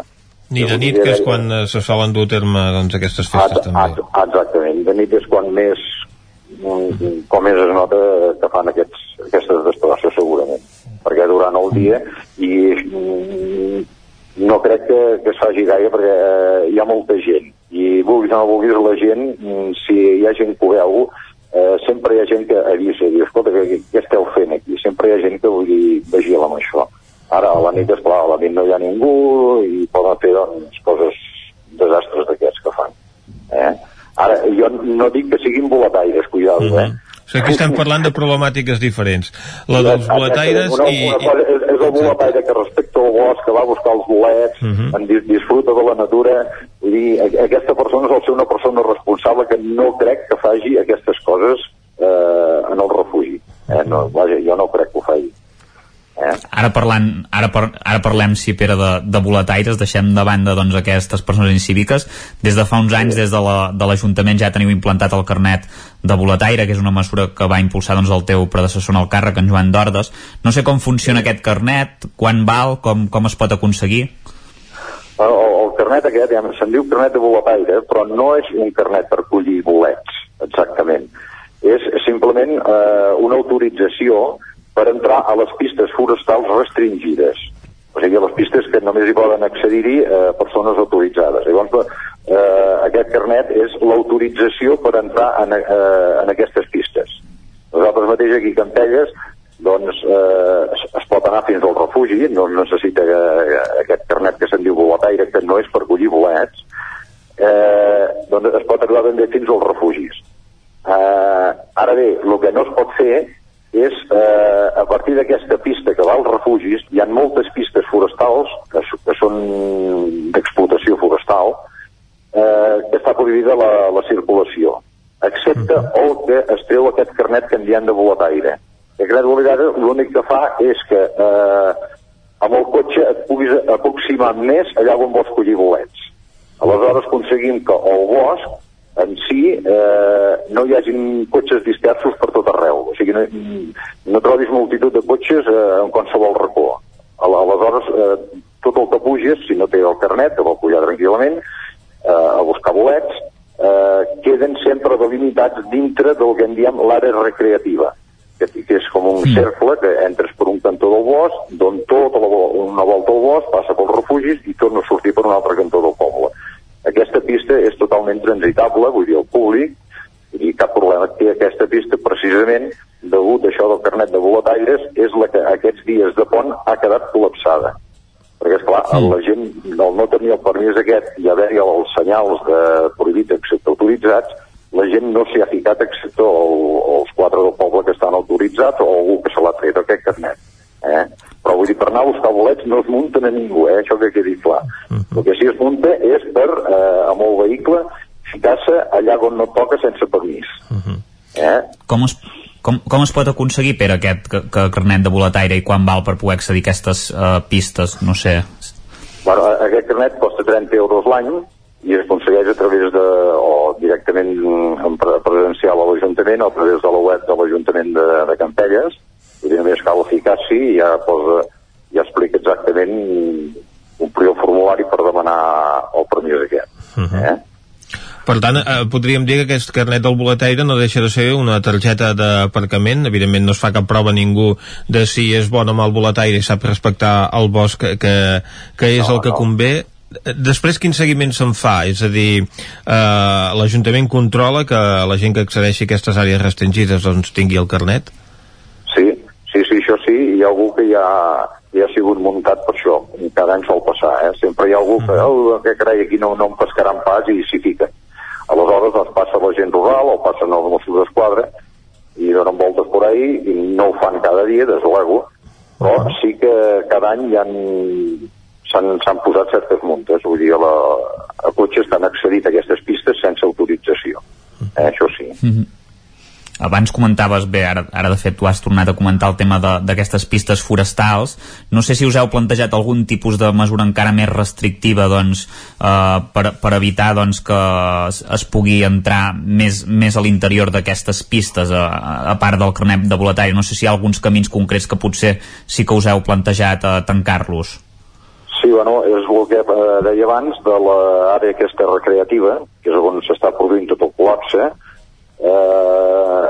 estem tenint un bombardeig d'idees dintre de l'Ajuntament, amb la gent del poble, amb altres entitats, a veure, ja mm, de cara a l'any que ve, ja, mm, si aconseguim mm, fer alguna acció per evitar que en aquesta pista s'hi acumulin cues de cotxes, perquè és que llavors, clar, el bosc també s'omple molt, o sigui, és, és, és algo fora de sèrie el que està passant, i em sembla que no som pas sol, perquè també està passant al Montseny, està passant amb altres pobles, això, de que la gent eh, últimament s'ha donat molt a sortir eh, fora els caps de setmana, a gaudir de la natura, que està molt bé, el que passa que, és clar, eh, ara poder són masses que anem a gaudir de la natura i anem tots eh, moltes vegades al mateix puesto.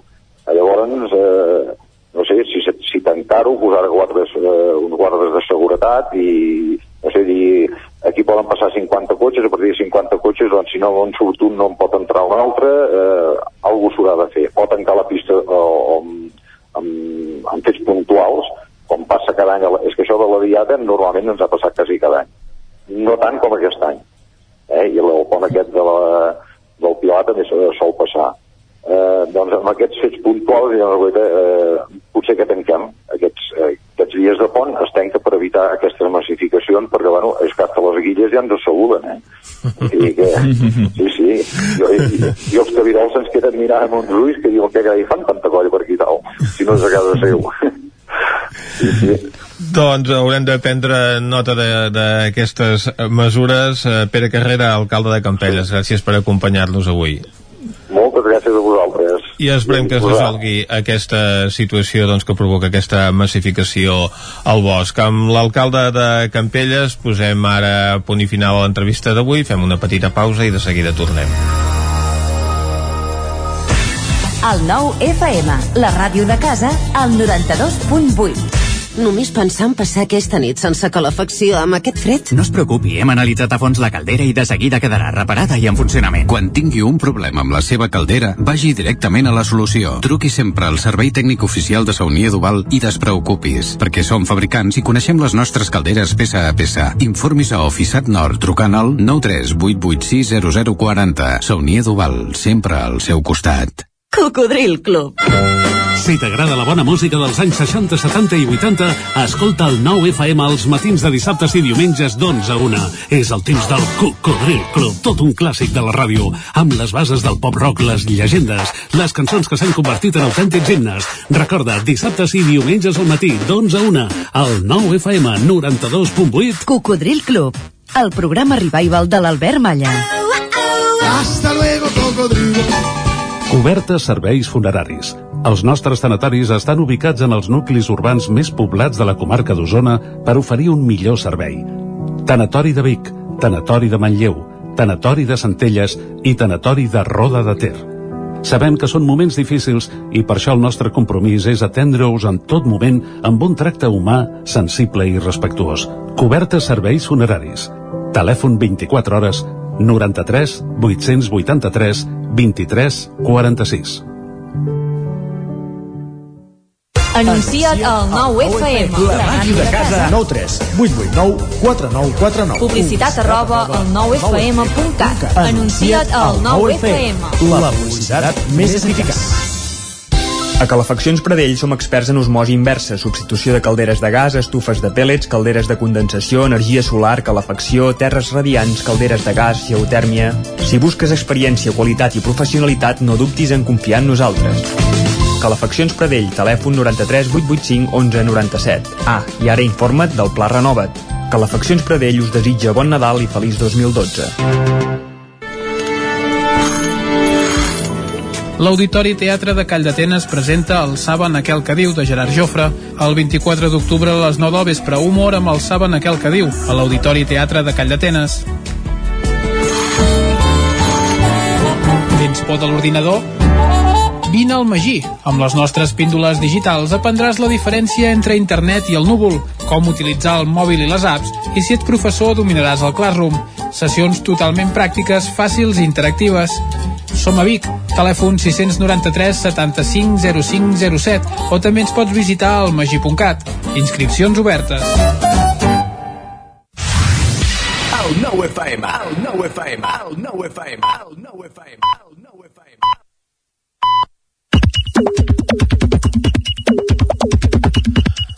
Són dos quarts onze, ja tenim a punt l'Isaac Moreno amb els tuits més destacats que ha trobat aquests últims dies. Isaac. Bon dia. I bona hora. Per exemple, una pilota de la Mireia Bové des de Vic diu Descoberta nova zona per lligar a Vic. Camp Pamplona a dos quarts de nou al matí, vestida d'esport o amb cistell. Carai. Li respon l'usuària Hasolina. Diu, perdona, que hi ha més zones? Diu, sí, el pic de qualsevol muntanya també és bo, però hi ha molta penya, penya xava. Uh, en fi. No sé si eh, tots els xaves estan capacitats per posar, pujar els pics de totes les muntanyes. Ho fan, no sé si amb helicòpter o com, però hi són. El metro no hi arriba. Uh, Xavier Febrer, des de Torelló, diu No miro tots els partits de la Lliga i tampoc sóc un expert, però els que he anat veient em fan arribar a aquesta conclusió. Sense públic, els equips petits encara ho tenen més fotut. I no em refereixo directament al fet de no tenir públic, sinó als arbitratges. Algú més ho veu així? I li respon un Àngel Sala, diu Real Madrid 0, Cádiz 1. Ets un gran estadista. Deu ser estadista, en fi. Bé, I és que el Real Madrid és qüestió d'estat. I en Febrer que respon, el factor àrbitre no ha tingut, no ha tingut possibilitats. Obrim també un film molt divertit que s'ha obert al Moianès aquests dies. Uh, i ara no tinc l'usuari, molt bé Isaac. Tinc el tuit per això, això sí. Diu, sabeu quins bars i restaurants de la comarca ofereixen menjars a domicili o per emportar? fem llista, el Blat de Mollà Magadins de Mollà, Can Xerina de Collsospina l'Hostall de Castell, Castell Tarsol, punts suspensius. I com us deia eh, la gent s'hi ha anat afegint, no? Aportant gent... eh, restaurants doncs, en el que pots encarregar el menjar i endur-te'n a la casa, a menjar a casa, no Correcte. a menjar al mig de la plaça com fan a, I... aquests a Barcelona que l'odies tu ara. Exacte. Uh, L'usuari és en Nyonyi 79, eh? Per fer Mhm. justícia.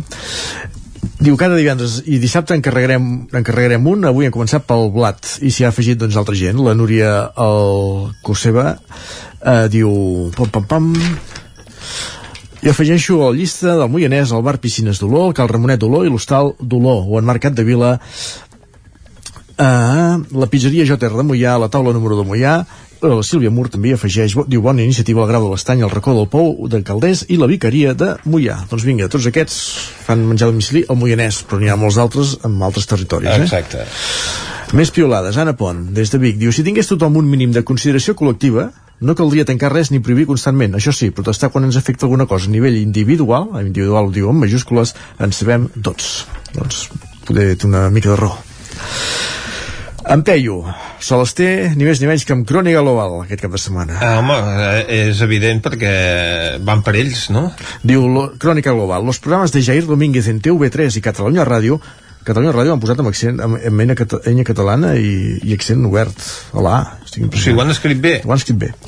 Cuestan más de 500.000 euros. El presentador Ultra participa además en Está pasando de Toni Soler con un coste de, de 1,5 Entenem ultra com, com, com a Jair Domínguez. Nosaltres. Com a Jair Domínguez. Eh, con un Deu coste- ser votant de Vox, doncs. Deu ser això. Con un coste de 1,6 millones. Empeyo Corrapiula y comenta, diu, hola, que, hola Crónica Global, soy Empeyo, propietario de El Corral del Humor, productora de Brico Heroes y del Búnker de Cataluña Radio. Y cuando queréis hablamos y os muestro los presupuestos de los dos proyectos para ayudarlos a explicar que esta noticia es simplemente mentira. Li respon amb l'usuari Campi qui pugui, amb, i diu, i també, també estaria, eh, això li diu, també estaria bé que donéssiu els números reals, la transparència és sempre bona i si més, i si, i més si parlem de diner públic. I en Peyu que respon, els números són públics i es poden consultar a la web de la corporació. Brico Heroes, 240.000 euros. I el búnquer 140.000 euros. Això és el preu d'una temporada sencera. Entre els dos programes hi treballen unes 30 persones. És ridícul criticar-ho i si, si no és per motius polítics Doncs Queda dit. aquí està, exacte, perquè aquí de- d'una part en fem un tot com si doncs, aquest comunicador s'embutxaqués ell sol tots aquests eh, diners dels pressupostos dels diferents programes en els que participa, col·labora o intervé en major o menor grau. Correcte. El... Anem a veure les portades del 99.cat, exacte. La de Granollers, el, el, el Vallès Oriental. Mango Man tanca dissabte la botiga de Granollers. Eh, entrevista Gerard Jiménez d'Atsuar. Sense mesures encara més restrictives serà molt difícil aturar la segona onada. Nou cap de setmana amb una alta afluència de visitants al Montseny i, i una fotografia d'un llamp de rellamp, diu. Una fotografia llamp bastant espectacular. Carreguem ràpidament No és el l'edició... Capità Haddock. No, carreguem ràpidament l'edició de d'Osona i el Ripollès. Una cobla per experimentar, crònica de l'estrena de la noble Canigou, Adeu al Patricó, un restaurant històric de Vic que va baixar la persiana dijous, Santa Eulàlia serà contundent per frenar l'incivisme al poble i també una entrevista em feia vergonya dir als amics que seria directora i ho ha estat 28 anys. Entenem que deu ser una mestra que jubila. Doncs, eh, exactament. Mariona Bassaganya, directora jubilada de l'Escola Sigimon Comas de Sant Quirze. Molt bé, doncs moltes gràcies Isaac, tanquem aquí aquest recorregut digital, anem cap a la taula de redacció. Bon dia. Territori 17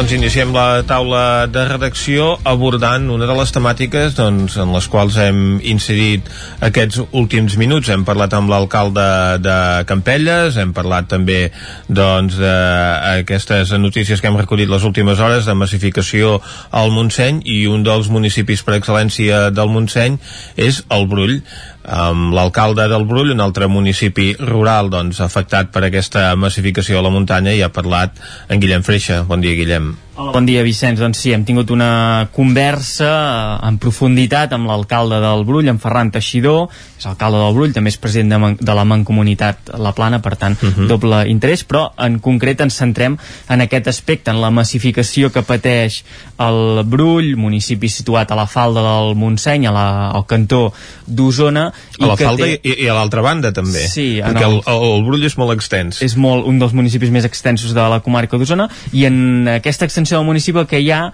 és uh, un dels grans punts d'atracció per Mhm. la gent que vol anar a fer una passejada, que vol pujar alguna muntanya uh, assequible, podríem dir, com és l'aparcament de Collformic i el camí per pujar fins a Matagalls.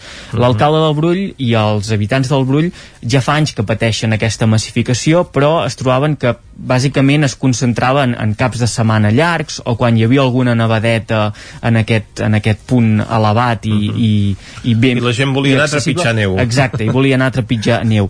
Què s'han trobat? és això, baixar el cotxe i trepitjar la neu sí, ja, exacte, és literal, literalment.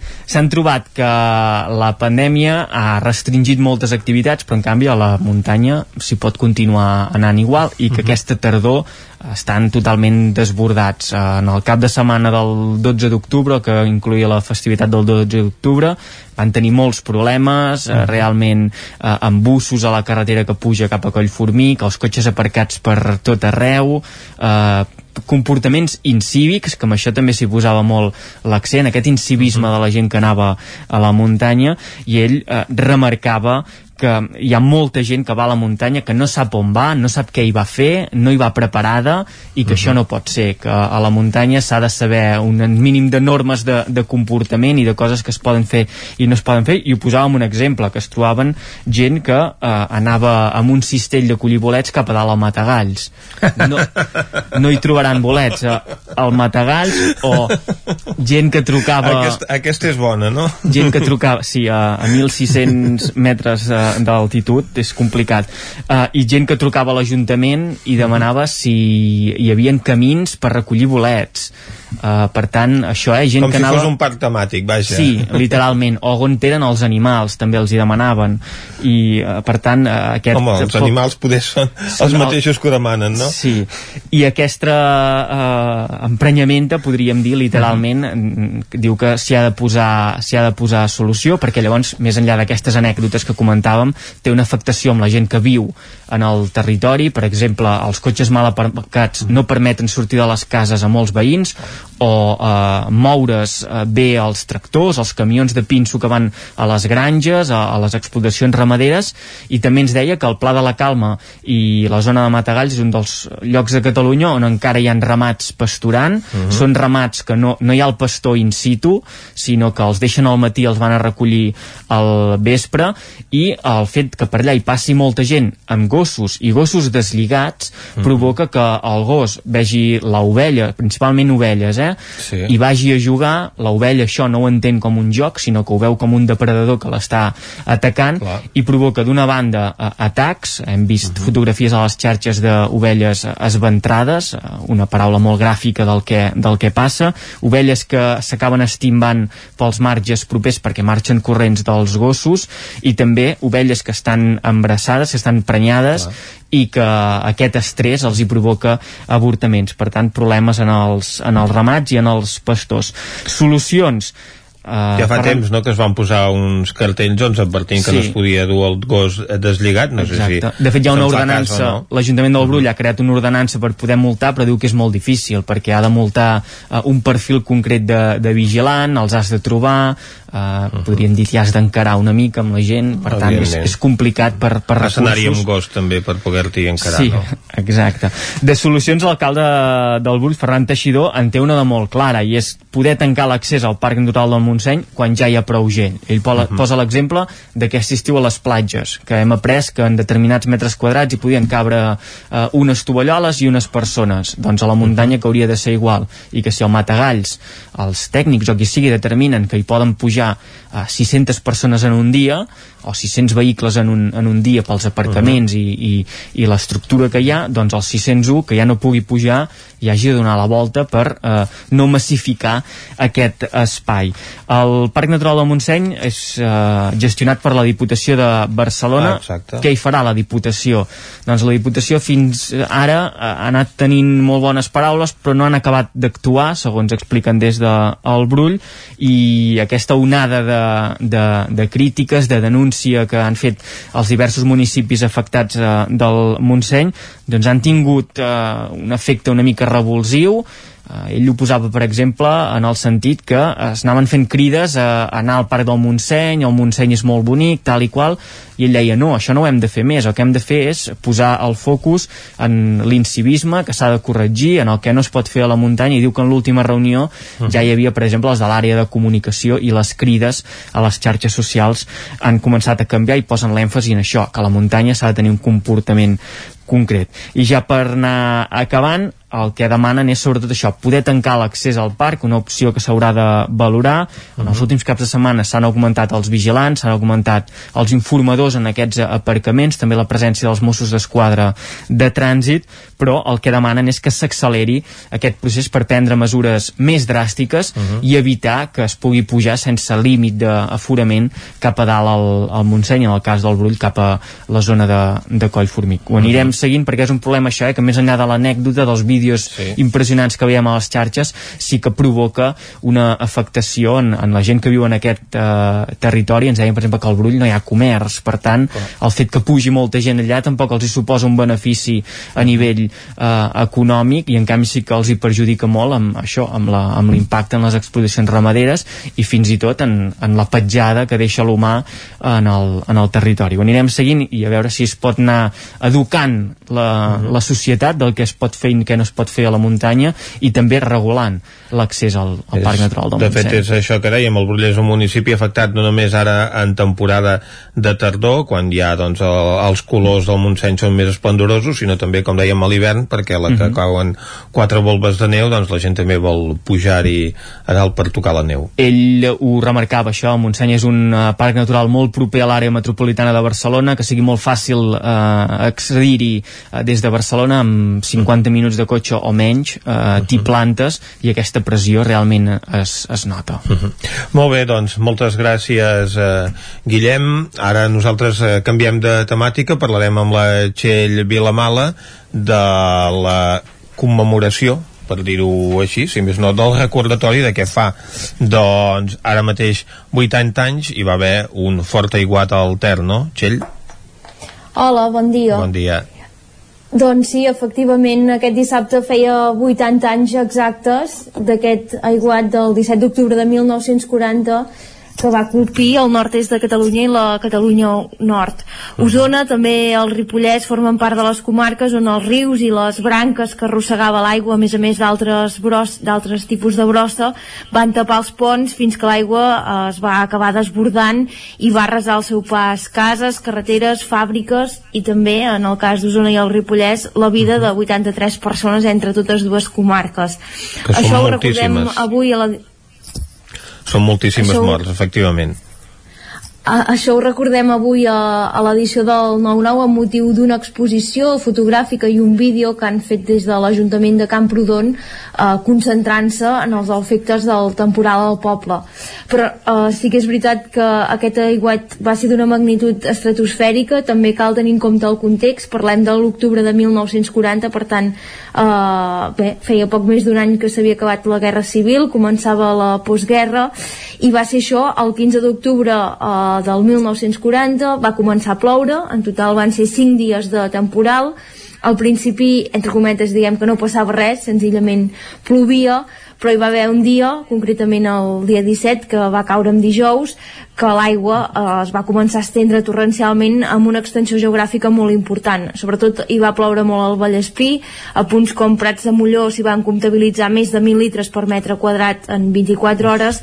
Això va fer que eh, els rius, evidentment, s'anessin carregant i com que el seu pas per Camprodon, eh, Ribes o Sant Pere de Torelló i Viladrau encara, continua, encara continuava plovent, això els va acabar d'omplir fins que el cabal es va desbordar i, com dèiem, va eh, arrasar per al seu pas les cases, botigues, fàbriques, ponts, eh, unes destrosses que van ser majúscules. Per exemple, eh, en el cas de Ripoll eh, es calcula que unes 3.000 persones es van quedar sense feina a causa de la destrucció d'aquestes fàbriques. A Manlleu la xifra va ser la mateixa eh, i a Roda i a les Masies de Roda en van ser prop de 2.000. Per tant, també hem de tenir en compte la magnitud de la tragèdia en una època, uh mhm. -huh. com diem, de molta misèria eh, després de, de la guerra. D'una banda, eh, hi ha evidentment totes aquestes dades eh, que es poden comptabilitzar, com són malauradament les defuncions, també els desperfectes materials, i de l'altra, eh, l'intangible, de la por, l'horror, eh, l'angoixa que van viure moltes famílies eh, aquell 17 d'octubre de 1940. En el cas de Torelló, per exemple, eh, fa 5 anys, amb motiu del 75è aniversari, es va preparar una exposició conjunta entre quatre museus d'Osona i el Ripollès. El 9-9 en va fer un reportatge molt exhaustiu i llavors en van parlar amb l'historiador Gerard Verdaguer, que recordava que hi va haver eh, al carrer Sant Antoni de Torelló eh, que va quedar completament destrossat, devastat de dalt a baix.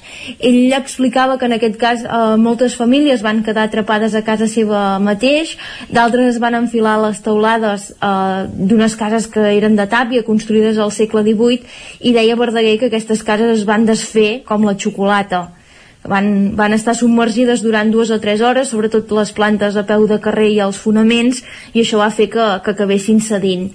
Els pobles d'Osona havien rebut un avís des de Ripoll al, al migdia, alertant que el Ter baixava molt ple. A la tarda ja hi va haver alguns desbordaments eh, a Torelló, per exemple, i això va fer que algunes famílies abandonessin les cases més properes al riu o canviessin els seus fills i filles cap a altres llocs. A les 9 del vespre, i això és un fenomen que es va repetir tots els pobles, el cabal del Ter va baixar i diguem que la gent, en certa manera, va anar a dormir una mica més tranquil·la. Però llavors, eh, entre les 11 i les 12 de la nit, va ser quan va arribar una revinguda que en el cas d'aquí Osona va ser letal. Com, com comentàvem al principi, la majoria de municipis, eh, les branques, la brossa que, que arrossegava el riu va, va, va tapar els ponts eh, fins que l'aigua es va desbordar. Això, el 1940, evidentment, avui en dia tenim uns altres sistemes de detecció, esperem que per molt que puguin passar catàstrofes naturals no siguin d'aquesta magnitud, però sí que és, llavors, sí que és cert que llavors eh, els mitjans de comunicació de l'època evidentment se'n van fer molt ressò els dies posteriors, eh, no el mateix dia perquè llavors encara no existia internet ni les xarxes socials ni la immediatesa però Per sí que desgràcia. consultant Mhm. el Perdona, Vicent. No, no, dic que per, per desgràcia, evidentment, hagués pogut salvar moltes vides si haguéssim tinc, disposat dels mitjans que tenim ara, efectivament. Exacte. És veritat que consultant la Maroteca, per exemple, La Vanguardia, el 20 d'octubre de 1940, tres dies després, eh, destacava que alguns veïns havien sido vistos com eren arrastrados por las aguas, o també feia referència a fàbriques invadides por, por los ríos. A més a més, en aquesta edició de La Vanguardia és curiós perquè hi apareixia un anunci del caudillo, del Franco, uh -huh. eh, dient que s'aniria a reparar els danys i que el Ministeri de Governació enviaria 100.000 pessetes per als primers auxilis. A Torelló, que és on van morir més persones, en concret 61 d'aquestes 83 que dèiem d'Osona i el Ripollès, i va arribar a treballar fins i tot l'exèrcit i 300 perso- eh, presoners que es van allotjar al Teatre Sirvianum i que van ajudar a desenrunar a canvi de reduccions de condemna. Els, és veritat que els municipis molts van canviar de fesomia ja que la força de l'aigua va destruir barris sencers i llavors, eh, sobretot gràcies a la Diputació, es va iniciar la construcció d'aquests anomenats barris de cases barates, que diem popularment, per oferir un sostre eh, més o menys ràpid a les desenes de persones que s'havien quedat eh, sense casa. Tot això, com, començava, com comentàvem al principi, ara ho recorden a Camprodon, ho han commemorat amb l'escena d'aquest vídeo que recull el testimoni de veïns del poble que ho van viure en primera persona i també una exposició fotogràfica on, on hi ha diverses fotografies de com va ser aquest aiguat a Camprodon i sobretot les conseqüències que va, que va provocar. Eh, N'hi ha una que ens va cridar especialment l'atenció, que publiquem a l'edició d'avui del 9-9, que és eh, d'una colla d'homes, almenys ja en contem una vintena, eh, a un punt que en diuen els quatre cantons, diguem que és on, on comença el carrer València, que se'ls veu com van traient pelades de fang, perquè sí que és veritat que d'aquest aiguat va ser característic, eh, l'aigua va arribar fins als dos metres a les plantes baixes eh, i en els locals que estaven situats a peu de carrer, fins a dos metres, i quan es van retirar el que va quedar van ser muntanyes de fang per exemple, a Camprodon en aquest vídeo hi surt una veïna, la, Tere, la Teresina Joanola, que explica que els nens i nenes s'enfilaven a les muntanyes de fang i podien arribar a tocar els cartells de les botigues, els cartells que diuen, uh, per exemple, tintoreria, carnisseria, doncs els, els nens arribaven a tocar-los gràcies a aquestes, a aquestes muntanyes. I llavors també em semblava interessant destacar que en el cas de Camprodon, en aquest acte de commemoració, hi van intervenir diverses persones, la regidora de Cultura, en Lluís Bassaganya, que és el comissari de l'exposició i el tenim eh, molt conegut per al tema de la retirada, i també la directora del Museu Etnogràfic de Ripoll. I ells eh, van fer molt, molt èmfasi en aquest context de la Guerra Civil, explicant, destacant eh, que els rius es van emportar ponts, cases, eh, botigues que havien sobreviscut a la guerra, això evidentment és una catàstrofe, però que la tragèdia també va servir per acostar famílies de, dretre, de dretes i esquerres que fins llavors encara continuaven barallades i que veient la magnitud del que, del que havia passat doncs es, es van ajudar i van recuperar el contacte és a dir, que en certa manera no? en, en aquesta frase de fer virtut de la necessitat bé, va tenir aquesta conseqüència positiva eh, d'ajudar eh, a passar pàgina pel que fa a alguns recels de la, de la Guerra Civil. No hay mal que por bien no venga, que devien dir en aquell moment. seria això. Doncs... Seria això, tot i que el mal va ser molt gran. Evidentment. Molt gran. Sobretot en, en vides humanes, que és el cost irreparable. Moltes gràcies, doncs, eh, Txell, per aquest recordatori d'aquesta iguat d'ara fa 80 anys, amb aquesta eh, aportació doncs, a la Txell, tanquem la taula de redacció d'avui. Territori 17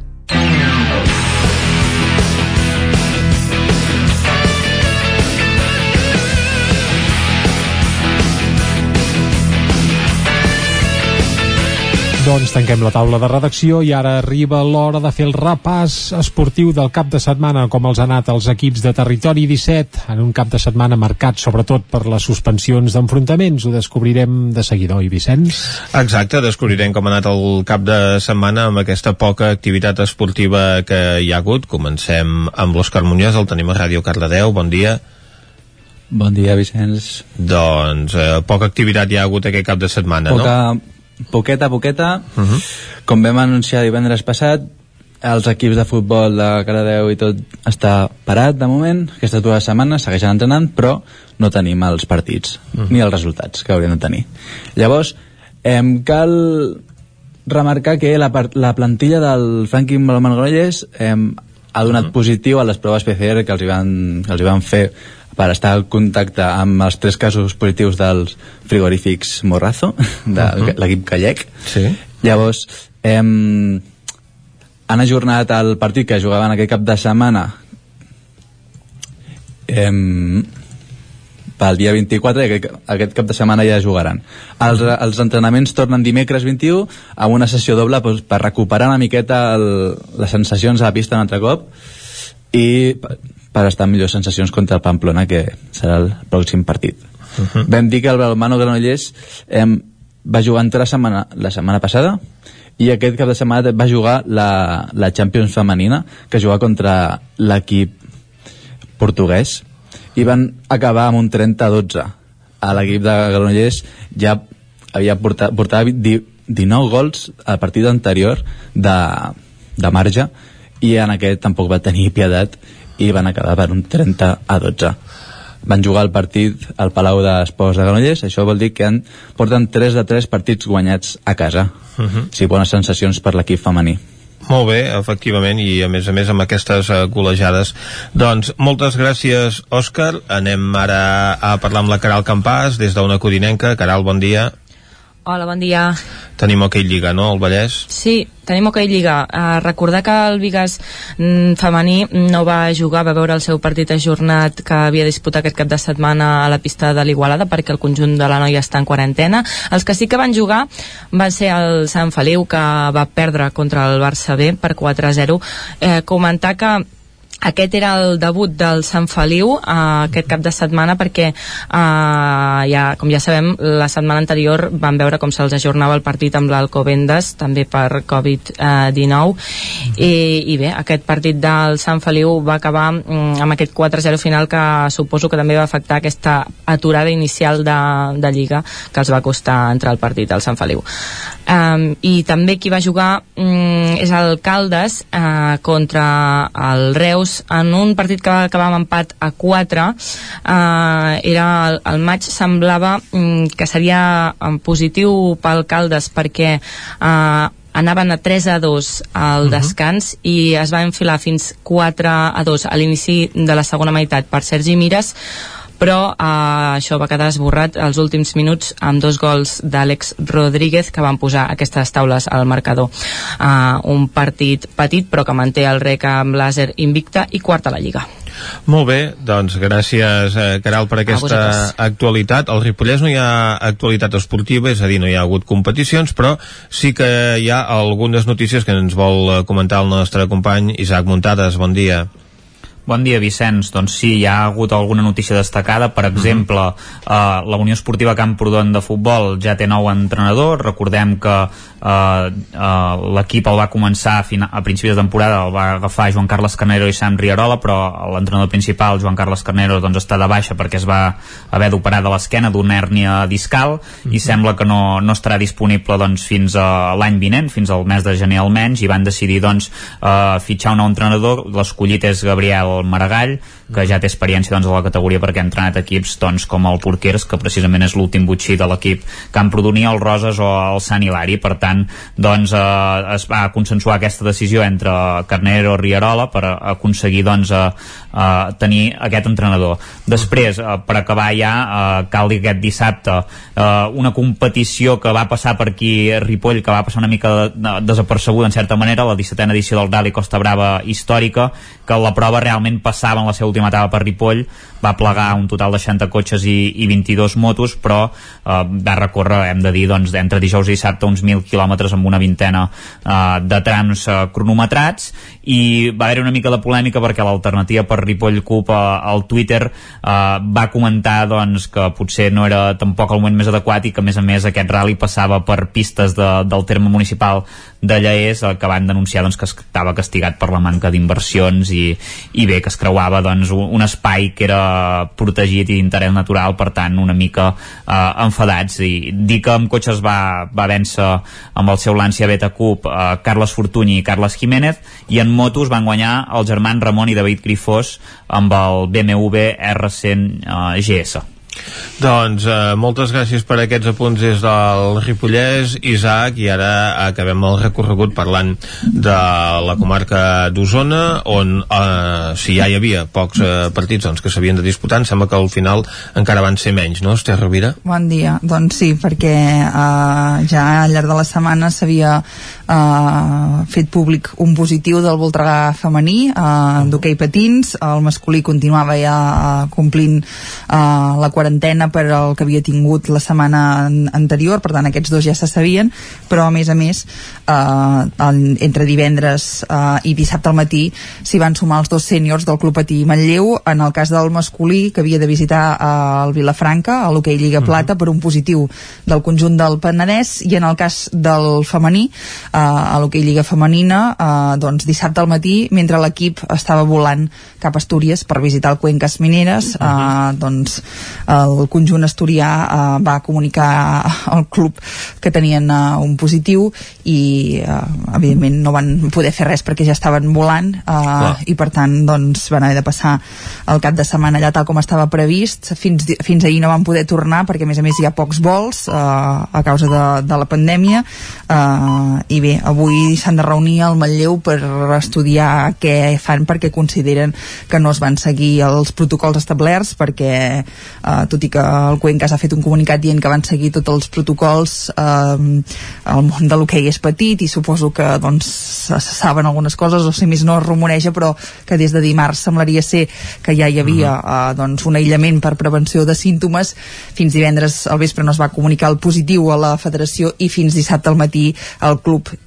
quan ja no es podia fer res per evitar el seu desplaçament a Astúries perquè ja era uh, a l'avió uh -huh. uh, i per tant el club ja no va poder contactar amb l'equip per evitar que, que es desplacessin aquestes despeses evidentment van a càrrec del Manlleu que ja li ha tocat, uh, de fet no sé si n'havíem parlat algun dia però aquest any ja li havia tocat un grup amb molts desplaçaments, l'hoquei Lliga Femenina s'ha dividit en dos grups uh -huh. uh, i l'A que és on hi ha el Manlleu um, és el que hi ha menys equips catalans uh, a diferència del, del B que sí que, que són pràcticament majoria i per tant són moltes més despeses en aquesta primera fase de competició pels equips que hi, que hi mm -hmm. competeixen, però és que a més a més en aquest cas s'ha fet un desplaçament per res i s'haurà de, de tornar a fer. Per Clar. tant, el club avui s'ha de reunir, prendran una decisió de, de quines accions emprenen per intentar eh, doncs, legal que ells consideren que és una injustícia, que és que ningú eh, els avisés abans que poguessin fer el desplaçament i estalviar-se doncs, doncs això haver passat tot el cap de setmana allà sense poder jugar. Recordem que és el campió de Lliga. Exacte, és el campió de, de Lliga i líder de,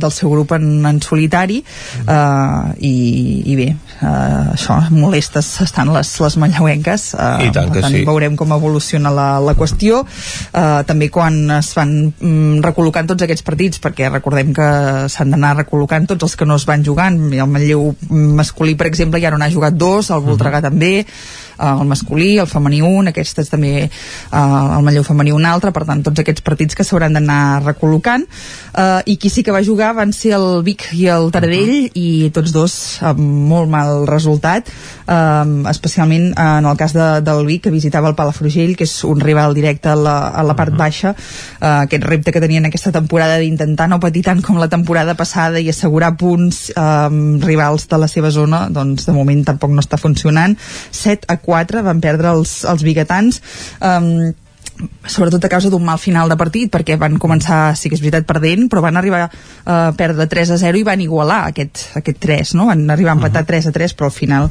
doncs un mal partit eh, dels de Quim López eh, va acabar suposant aquesta derrota i també continuen sense sumar a domicili el Taradell que per aquest partit tenia moltes baixes i va perdre la seva visita al Noia eh, per un contundent 7 a 1 ja van patir una golejada també molt grossa quan van anar a visitar el Liceu la, la, la setmana la jornada a domicili anterior. Uh -huh. i, i aquesta vegada doncs també, per tant eh, bé, els, que, els, els equips usonencs que juguen no sense, sense massa bons, bons resultats. Això I, i en el cas tenir de, futbol també. de l'hoquei, sí, i de futbol eh, només vam tenir un partit eh, que és com evidentment en el cas dels hoqueis d'àmbit estatal eh, i en aquest cas és, és el Vic Riu primer de la primera divisió nacional femenina de, de futbol que començava la, la Lliga, elles començaven més tard, aquesta era la seva primera jornada de competició. Les eh, biguetanes que doncs, rebien a casa la Fundació Terrassa i van poder començar amb bon peu, victòria per, per 4 a 3 eh, recordem que la temporada passada van retornar a, a la categoria. Eh, van acabar quan es va suspendre la competició a la zona mitja. Eh, la idea és consolidar-se ser un equip fort en aquesta, en aquesta categoria. I bé, començar a casa eh, i guanyant doncs sempre és eh, una Sempre bona manera de, de fer-ho. Uh, i això doncs de moment les està situat segones ara mateix a la, a la classificació. Sí que hi va haver diverses uh, victòries fins a 5 uh, però bé, el fet d'haver fet també 4 gols doncs ara mateix que les situen aquesta primera classificació de la, de la temporada en una, en una bona posició. I això seria el, el més destacat. Sí que és veritat que hi ha hagut també eh, altres competicions, totes uh, d'àmbit uh, estatal uh, però el més destacat seria, seria això, veurem aquest cap de setmana que ve si... què, acaba passant, no? Co- si es poden jugar més uh, partits sobretot de- d'hoquei, no? Que, que, per exemple, que aquest cap de setmana que només uh, n'hi ha acabat havent dos uh, però, Esperem que sí, bé. perquè si no, no ho atraparem. Exacte. Moltes gràcies, Esther. Tanquem aquí aquest repàs esportiu del cap de setmana. Doncs quan falten 10 segons per les 11 i 5 minuts, torna la informació de les nostres comarques, les comarques del Ripollès, Osona, el Moianès i el Vallès Oriental. Territori 17, amb Vicenç Vigues i Jordi Sunyer.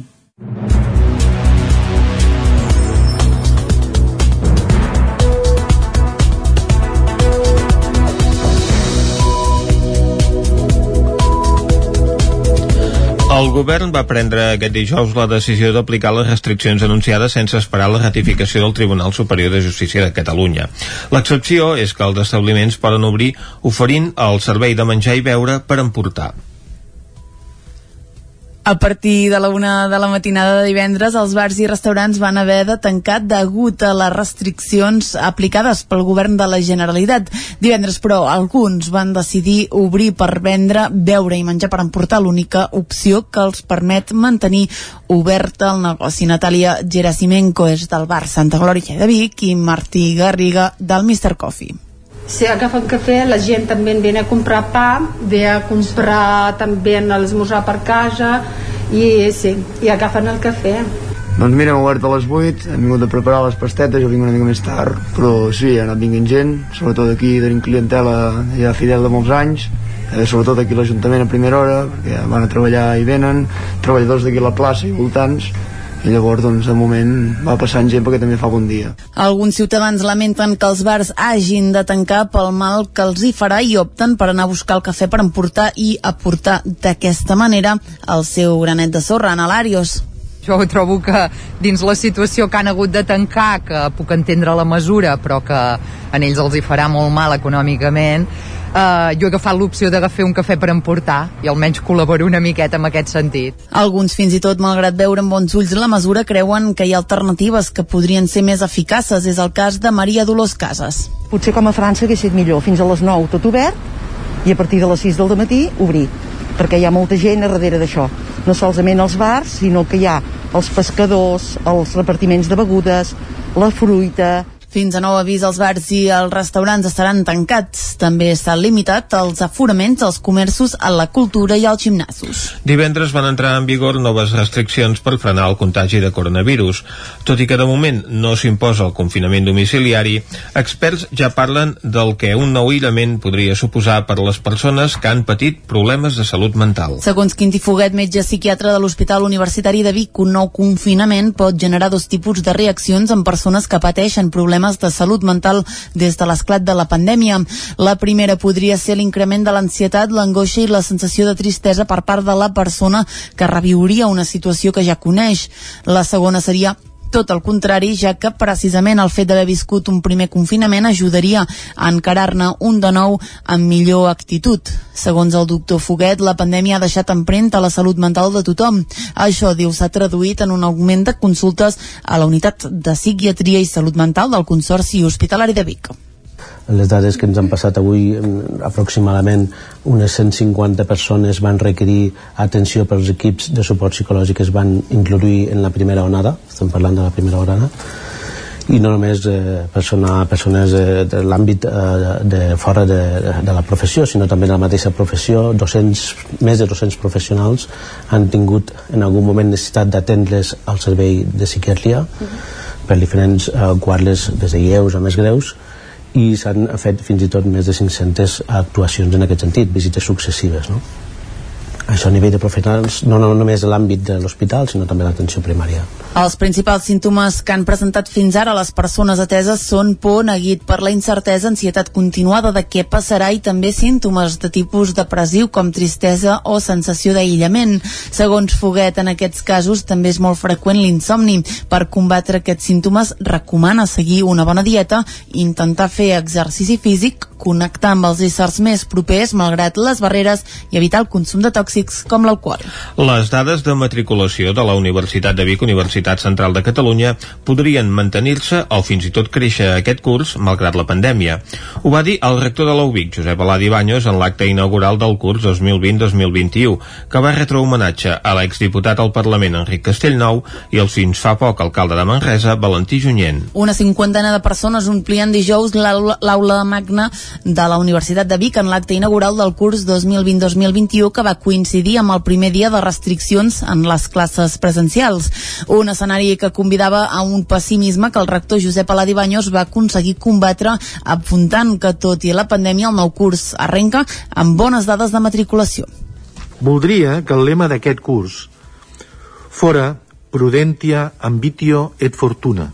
Això ha estat possible amb els moments de màxima incertesa i ho ha de ser amb el futur, especialment quan tot apunta a que la matrícula de grau es mantindrà i potser augmentarà una mica aquest curs. L'exdiputat del Parlament, Enric Castellnou, i el fins fa poc alcalde de Manresa, Valentí Junyent, van rebre les medalles institucionals, la màxima distinció que concedeix la Universitat de Vic.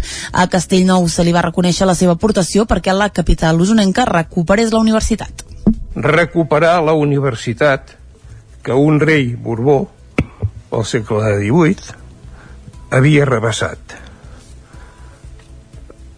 Tenint en compte que l'Ajuntament de Vic, en aquell moment, va planejar durant 80 anys per recuperar-lo, sense èxit. Per tant, primer argument, recuperar la universitat que ja havíem tingut. L'acte va tenir un moment especialment emotiu al recordar Jordi Cano, director de l'estudi de disseny EUMODC i Ubic Media, mort a l'abril víctima del coronavirus. La cardedeuenca Núria Busquet ha sigut l'encarregada de la traducció de l'últim Premi Nobel de Literatura, Nit Fidel i Virtuosa. David Oladell, de Ràdio Televisió, Cardedeu. Passejant per la llibreria La Central, l'autora i traductora Núria Busquet va topar amb Faithful and Virtuous Night, una escriptora nord-americana amb grans reconeixements literaris però molt desconeguda a Catalunya. Núria Busquet, traductora i escriptora. Mentre anava descobrint Louis Gluck, jo anava traduint aquell llibre, que sabia que no estava traduït en català, i l'anava traduint per, per iniciativa pròpia, perquè m'agradava tant que deia, va, intentaré posar-lo en català. Quan ja el tenia bastant avançat, vaig parlar amb els editors a veure si els interessava publicar-ho. Louis Gluck no havia estat abans mai traduïda al català i és que lectors catalans de poesia n'hi ha pocs i la dificultat per publicar cada vegada n'és més gran. Per sort, la traducció d'aquest llibre ha fet que ara comptem a les llibreries i biblioteques amb un Premi Nobel traduït al català català. Núria Busquet. Això requereix un, un, un punt de valentia i d'inconsciència per part d'un editor decidir publicar tra poesia traduïda. Però clar, és que si no publiquessin poesia traduïda, hi ha molts autors molt importants, entre ells Lluís Gluck, que no els tindríem en català i que molta gent no els podria llegir mai. Nit fidel i virtuosa no ha estat l'únic treball de l'escriptora nominat a un Nobel, sinó que aquest mateix any també estava a la llista Política de Poder, una de les grans candidates al Nobel com és Margaret Atwood. La Núria Busquet és a més autora de diversos llibres com Partícules o Zona Zero, nominat al Premi Òmnium i actualment al Premi Llibreter de l'any. L'Ajuntament de Sant Joan posa un punt de recollida de llenya pels vilatans provinent del temporal Glòria. Isaac Muntades, des de la veu de Sant Joan. L'Ajuntament de Sant Joan de les Abadeses ha posat a disposició dels veïns un punt de recollida de llenya en una parcel·la buida al mig del carrer principal del polígon de Calgat. Aquesta llenya es pot agafar de forma gratuïta sense notificar-ho ni fer cap sol·licitud al consistori i està pensada perquè els santjoanins puguin fer-la servir per a la llar de foc o l'estufa de casa, entre d'altres usos. La fusta, que ha estat tallada per l'empresa pública de la Generalitat Forestal Catalana, prové dels arbres caiguts i les branques que van baixar riu avall després del temporal Glòria que va afectar Catalunya entre els dies 20 i 23 de gener d'enguany i que es van retirar de la llera. L'alcalde de Sant Joan, Ramon Roquer, ha recordat que tampoc n'hi ha massa i cal espavilar-se per agafar-ne. Una vegada doncs, extreta tota aquesta fusta i després de ser copiada en aquest camp, finalment el que s'ha fet ha sigut trinxar-la petita. Nosaltres el que diem és que tothom que necessiti doncs, llenya a l'hivern es pot apropar a la parcel·la de Calgat i, i agafar-la, entenent que hi ha la que hi ha i que per tant d'aquí uns dies segurament doncs ja no n'hi haurà, no? Precisament algú em deia, home, està en una parcel·la privada, si no tens l'autorització per agafar-la, com l'agafes, no? Però en tot cas els és informar des de l'Ajuntament que la llenya l'hem deixada així ja tallada i per tant tota posada allà doncs perquè sigui recollida per qualsevol persona. Hi hauria fusta per emplenar un gratx, no? Des de l'Ajuntament han insistit en que cal fer un ús racional de la llenya i agafar-ne una quantitat per passar unes setmanes i no tot l'hivern. A més, també demanen que l'ús sigui domèstic i no s'aprofiti per vendre-la. Aquest no és el primer cop que el consistori posa un punt de recollida de llenya a disposició dels ciutadans, ja que l'any 2015 se'n va fer un altre provinent de la neteja feta al voltant del Puig Rus per tal de controlar el creixement del bosc i mantenir-ne l'ecosistema. Les entitats de cultura popular de Caldes celebren la retrobada. Aquest diumenge les colles han reunit 250 persones a l'aire lliure per gaudir de mostres culturals durant tot el dia. Caral Campàs, des d'Ona Codinenca. Les entitats culturals de Caldes han volgut demostrar que la cultura és segura amb un acte sota el títol La retrobada aquest diumenge, una mostra de cultura popular al pàrquing de sorra del pavelló esportiu Les Cremades. Al matí d'11 a 1 i a la tarda de 7 a 9 del vespre les colles van poder pujar a l'escenari. Així doncs ho van poder dur a terme de manera segura davant 250 persones que accedien al recinte delimitat amb entrades nominals i vigilat per alguns agents de policia local. Uns tiquets que es van exaurir amb només un dia i mig. La decisió d'organitzar una diada així responia al veredicte del consistori d'anul·lar la festa major de l'anterior cap de setmana i la cap vuitada que havia de ser aquest dissabte i diumenge. Les entitats van llegir un manifest en aquest sentit. Davant de la notícia que l'Ajuntament eh, sobre la suspensió de la festa major, les entitats de cultura popular de Caldes de Montbui, geganters, castellers, bastoners, sardanistes i diables, ens hem estat reunint per idear un acte de cultura segura. Tenint en compte que les entitats de cultura popular són part essencial de l'elaboració del programa de la festa, no volíem que l'octubre calderí es quedés sense cultura popular. Els calderins i calderines, però també les entitats, es mereixen poder gaunir-ne i recuperar-la. Si les colles paren la seva activitat, corren el risc de quedar-se esborrades del panorama cultural. Els assistents van poder arribar esglaonadament mentre se'ls va prendre la temperatura a l'entrada alhora que se'ls oferia gel hidroalcohòlic. També en el moment de seure totes les persones tenien cadires assignades per grups de convivència amb les distàncies de seguretat corresponents. A més, la població calderina va poder seguir en directe totes les actuacions a través del canal de YouTube de l'Ajuntament amb una emissió en streaming. Una de les incògnites de la diada era de quina manera actuaria farien els castellers que finalment van optar per fer pilars de dos per unitats de convivència. I fins aquí el butlletí informatiu de les 11 del matí que us hem ofert amb les veus de Vicenç Vigues, Clàudia Dinarès, David Auladell, Caral Campàs i Isaac Muntades. Ara un breu parèntesi i de seguida tornem amb novetats d'àmbit nacional. Ens les acosta cada setmana l'Arnau Jaumira. El saludem de seguida. Territori 17. Envia'ns les teves notes de veu per WhatsApp al 646 079 023. 646 079 023. WhatsApp Territori 17.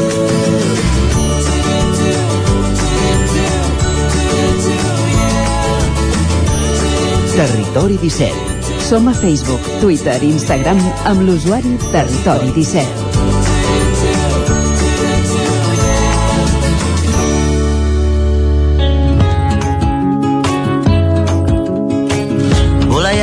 Volejava cara o creu.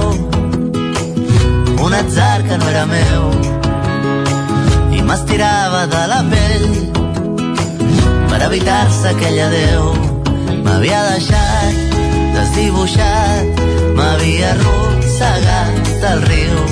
Com ella diu s'ha malcarat i se m'enfada persona de pau. La calma t'encomano i no busco en renou. No importa la manera trobaràs algú nou. Sé que aquest petó no era per mi era per abans d'ahir. Pa, pa,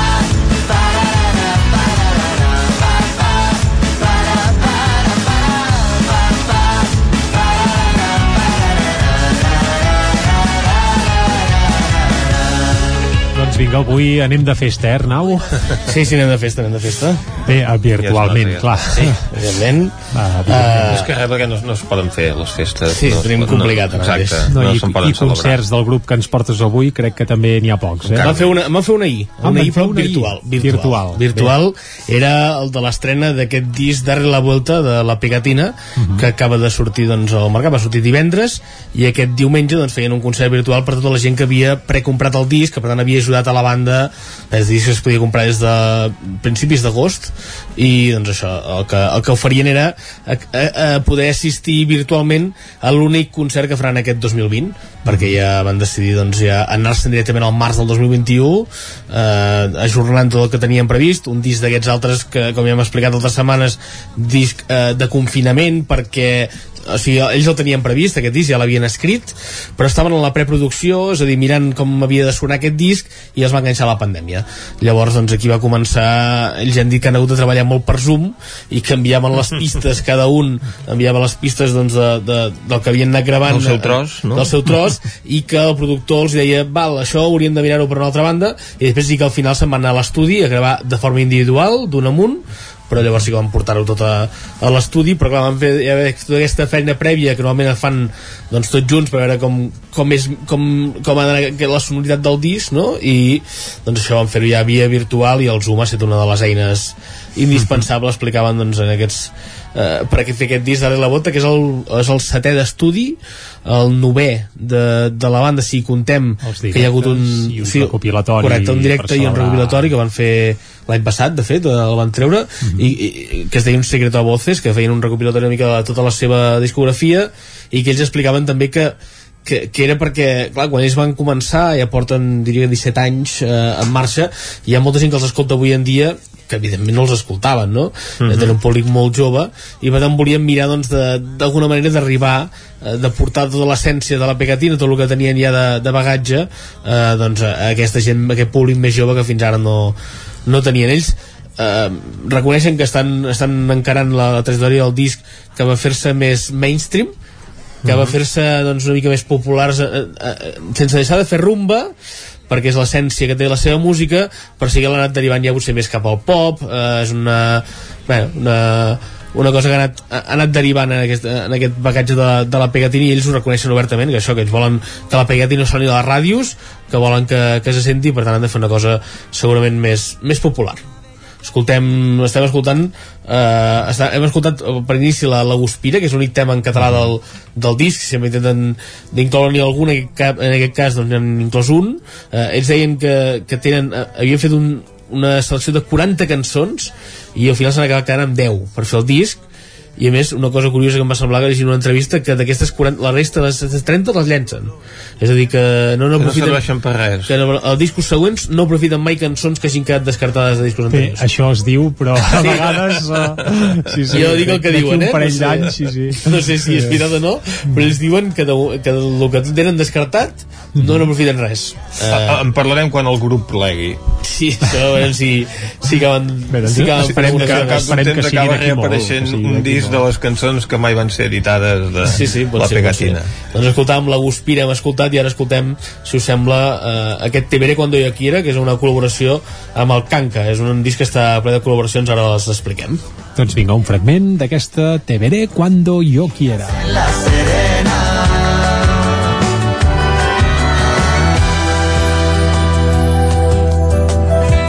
Por un atajo improvisado, un sorbo y un calo, una insensatez. Hubo un giro fortuito, algo nunca visto, un desinterés.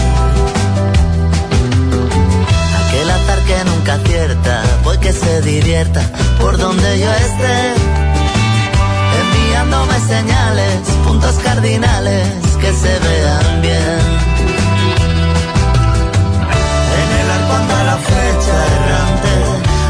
La de nuevo. Te veré cuando yo quiera para parar un tren, aspírame los besos, te guardo más de cien y olvídate de aquellos días en la serena. Te veré cuando yo quiera para parar un És un disc eminem, eminentment festiu, és l'estil de, la, de la pegatina, uh -huh. eh, però que sí que segurament en els últims discos han anat evolucionant una mica més les lletres. Eh? Ells ho reconeixen que al principi eh, eren bueno, lletres molt, molt... De qualsevol cosa en feien una lletra. Sí, sí, segurament hi ha més el tema festiu, que, ja, que és veritat que segurament la pegatina el seu punt més fort és el directe, tenen un directe molt explosiu, molt picat, un directe molt que, que no deixa temps de que la gent es relaxi uh -huh. eh, i que per tant el disc segurament és la part que sempre els hi ha costat una mica més però en aquest sentit eh, jo crec que estan evolucionant, ells diuen que, que creuen que estan fent lletres una mica més interessants que no pas les que estaven fent al, al principi i segurament una d'elles és aquesta eh? Te veré cuando yo quiera una col·laboració també amb el, amb el Kanka aquest, eh, eh, que, que és un malagueny que conegut ja, que va tenir problemes també que el seu pare va, va, va estar malalt de, de Covid li van enviar el tema d'aquestes coses del confinament no? van, ell no podia venir eh, va gravar-ho com van poder des de, des de casa i van acabar fent aquesta col·laboració però és el que ens ha ensenyat també aquest, aquest, aquest Covid i aquest confinament no? que es poden fer coses que sonin bé sense haver d'estar de, físicament una costat de l'altra eh, s'ha aconseguit amb molts discos i anirem veient i en aquest cas és una, hi ha col·laboracions que deien del Canca de, de també de les madrilenyes Travis Bert i, i de la Port que també, que també hi canten de, de PG, PG Sinsuela que és un, un raper de Puerto Rico de, que, que havia, havia tocat eh, amb, amb Calle 13 mira, feia de, de taloner però bé, és un un disc que això, que han anat, han, dins del que han pogut han anat fent col·laboracions també hi ha Arnau Griso eh, en català que l'escoltarem ara. I el que sembla si podem escoltar és la cançó més canyera del, del disc que es diu Soltar a la fiera que doncs, eh, és una, això, eh, una mica la cançó eh, més canyera d'aquest disc. Més, més destroyer, els altres són una mica més rumba aquesta no, aquesta no ho és tant. Doncs escoltem-la.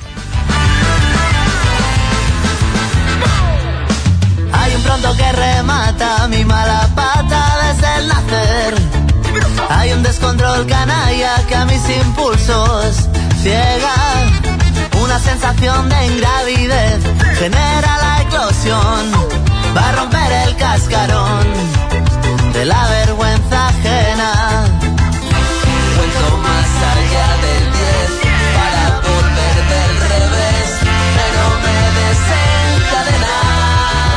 Com bé dius, Arnau, la més canyera, Sí, sí. amb una mica de rumba escatalítica. Sí, eh? dir, Una mica de portada Sí, amb l'esca, eh? Sí, d'esca, sí.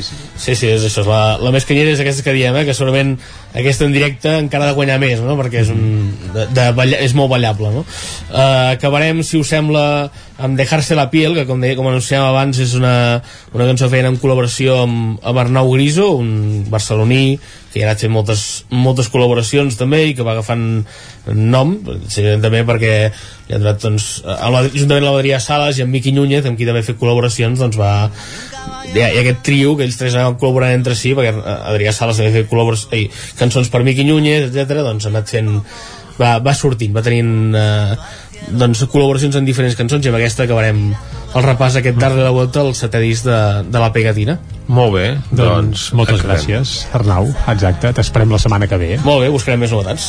Vinga, doncs uh, marxem amb Dejarse la piel de la Pegatina Se inunda la rutina de hiel, es mejor pensar en dejarse la piel.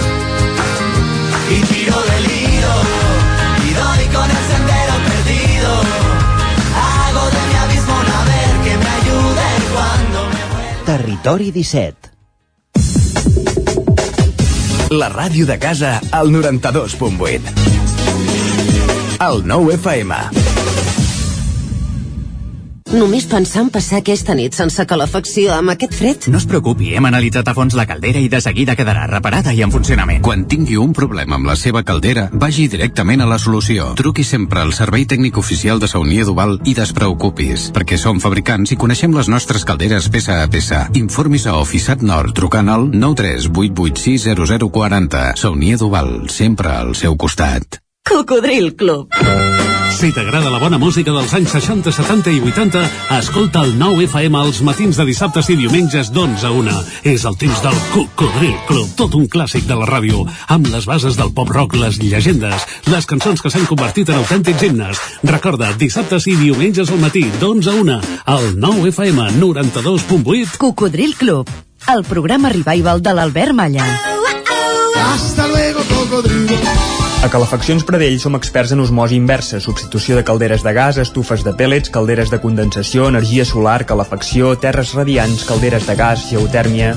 Si busques experiència, qualitat i professionalitat, no dubtis en confiar en nosaltres.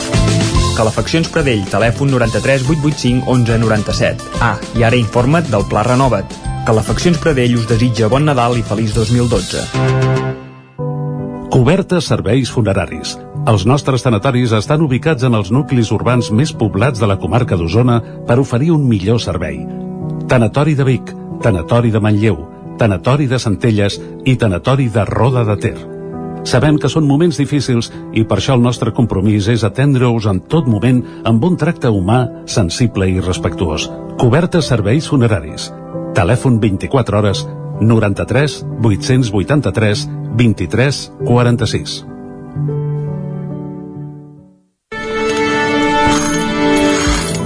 L'Auditori Teatre de Call d'Atenes presenta el Saben aquel que diu de Gerard Jofre. El 24 d'octubre a les 9 del vespre, humor amb el Saben aquel que diu, a l'Auditori Teatre de Call d'Atenes. Tens por de l'ordinador? Vine al Magí. Amb les nostres píndoles digitals aprendràs la diferència entre internet i el núvol, com utilitzar el mòbil i les apps, i si ets professor dominaràs el Classroom. Sessions totalment pràctiques, fàcils i interactives. Som a Vic, telèfon 693 75 05 07 o també ens pots visitar al magi.cat. Inscripcions obertes. La ràdio de casa al 92.8. El 9 FM.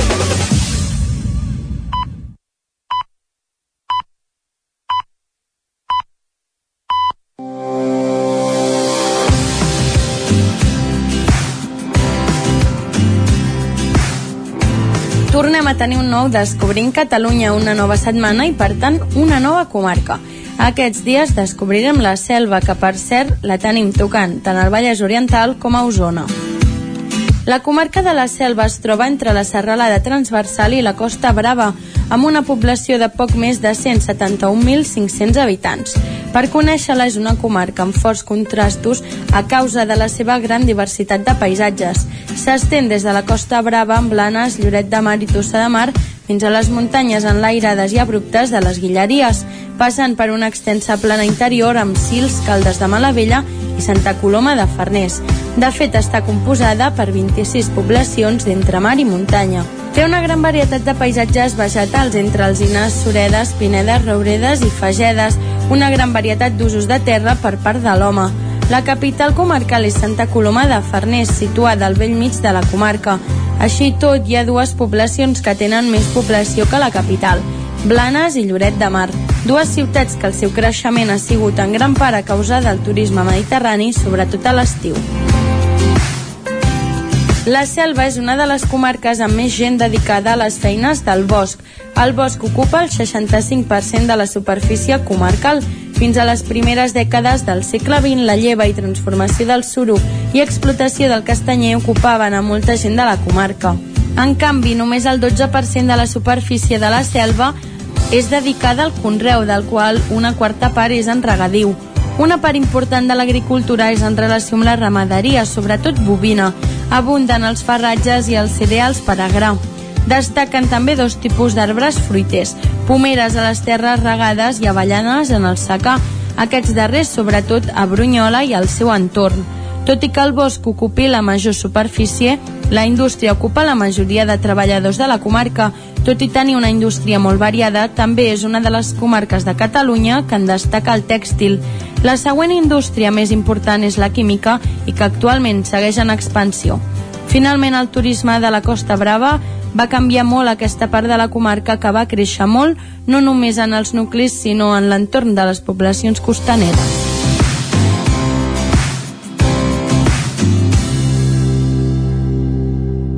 Territori 17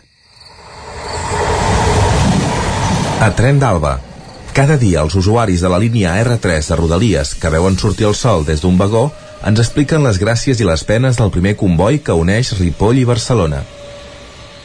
Benvinguts a Tren d'Alba. Doncs va, com cada dilluns farem un repàs de com va anar-li la setmana passada a la Núria, i la veritat és que no li va anar massa bé, ja que tot i ser una setmana de 4 dies que es va acabar convertint en una de 3 perquè va haver-hi un dia que es va despistar i no ens va poder fer la crònica, aquestes jornades van ser dolentes, perquè dimarts el tren va arribar amb 18 minuts de retard i divendres amb 13. Dimecres va ser el dia més acceptable i només en van caure 4. Tot i això, el tren va acumular un retard de 35 minuts durant tota la setmana, que suposen una mitjana d'11,6 minuts de demora per dia. En fi, a veure si aquesta setmana comença una mica millor que l'anterior i la Núria pot confiar més amb el tren. Bon dia des de l'R3. Avui el tren ha sortit 4 minuts tard i ha arribat 6 minuts tard a destí.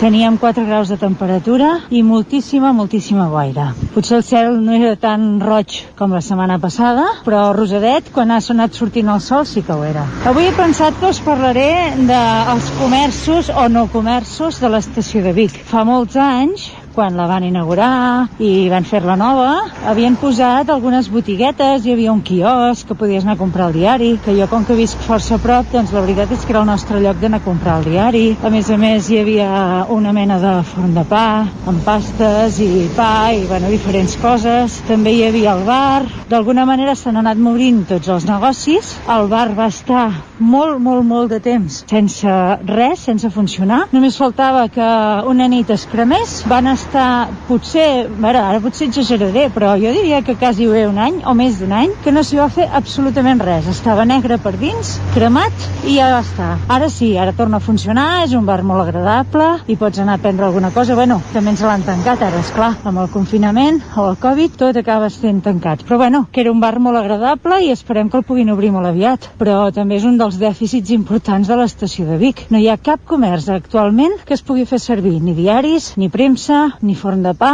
i ara tampoc el bar. Coses per reflexionar que crec que són importants i que també seria un valor afegit si la ciutat pogués comptar amb aquests serveis a dins de l'estació de tren. Vinga, us deixo aquí, una abraçada i demà hi tornem. Bon dia des de l'R3, la Núria un dia més. Adéu-siau. Doncs sí, va haver-hi uns anys d'esplendor a l'estació de Vic. Segurament això va ser cap al 2010, quan hi havia un quiosc, un forn de pa i un bar a ple rendiment. I ara, amb el tancament provisional dels bars i restaurants, tornem a estar sense res, si no m'equivoco. Una pena, però què hi farem? Va, ens retrobem demà i recordeu que ja portem un retard acumulat de 3 hores i 33 minuts des de l'inici d'aquest mes de setembre.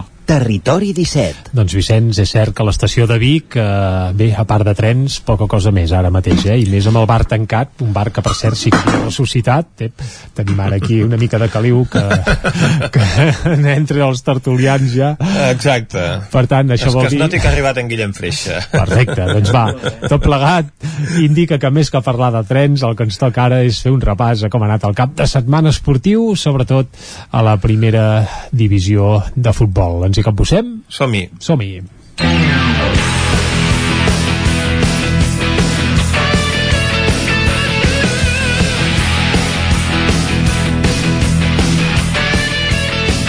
un cap de setmana on cap dels tertulians estarà gaire content, em sembla, eh, Vicenç? No, exacte. Podríem dir que aquest ha sigut el, el cap de setmana de l'UO, no? perquè tant el Barça com el Madrid com l'Espanyol han perdut 1-0 Sí. Desastre, no? sí. Jo crec que a tots ens toca fer crítica no? aquest cap de setmana i amb la meva entrada espectacular al, al locutori de ràdio ja s'ha vist que gaire content no, no estaves, no estic. No. Això el Girona va guanyar. Sí, el Girona, mira, encara va ser un punt d'endolciment a, la, sí. a la jornada, sí. però, ostres, eh, el Barça fatal, el Madrid que vull dir, tampoc em preocupa massa, eh? però vull dir, encara més fatal uh, i l'Espanyol bueno, no? havia d'arribar allò que deies tu no? tants dies al, al límit de la cornisa uh, d'anar tirant els partits endavant per poc i, i aquesta setmana va caure contra un dels equips que en teoria sí que està cridat a ser a la part alta Sí, però no, el que no pots fer és no xutar entre els tres pals en tot el partit perquè és clar, qui dels tres ho va fer pitjor aquest cap és que aquesta és la pregunta eh? jo crec que el Madrid Sí, jo Ostres, aquesta, aquesta vegada potser sí que felicitaria el Madrid per, per la, pel seu mal joc, no? Ah, és que...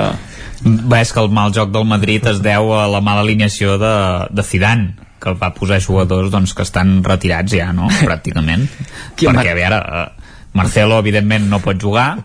Ja, ja ha quedat demostrat totalment que és un jugador que és massa veterà i ja no està per depèn quins partits. Ja, ja és trist que digui això contra el Cádiz però és que no està ni contra el Cádiz. I, i ha de jugar Mendy que és el titular indiscutible. I més després d'una aturada per seleccions en què s'han d'agafar els punts sigui com sigui perquè són partits que són, són complicats. I després ve eh, Lucas Vázquez, home, no és el jugador que m'inspiri més confiança per, per sortir a jugar, tenint en compte que n'hi ha d'altres que jo crec que, que són millors que ell, però, però bé, aquests experiments doncs costen cars a vegades i la falta de gol que és clara, molt clara. No hi ha un davanter centre que, que pugui solucionar uh, els partits que estan encallats, diguéssim, perquè Benzema sí que és estel·lar i apareix, però la resta de davanters no, no acaben d'afinar la punteria, però, però bé, jo, jo en tot cas, ja, ja ho sap en Guillem, jo sí que estic una mica content, eh, perquè porto dos, porto dos victòries seguides a la Lliga Fantàstica del Míster i, i, i un jugador del Cádiz em va fer 9 punts, vull dir que si més no una jornada virtual, jocs d'aquests d'entrenador, de, sí. de managers.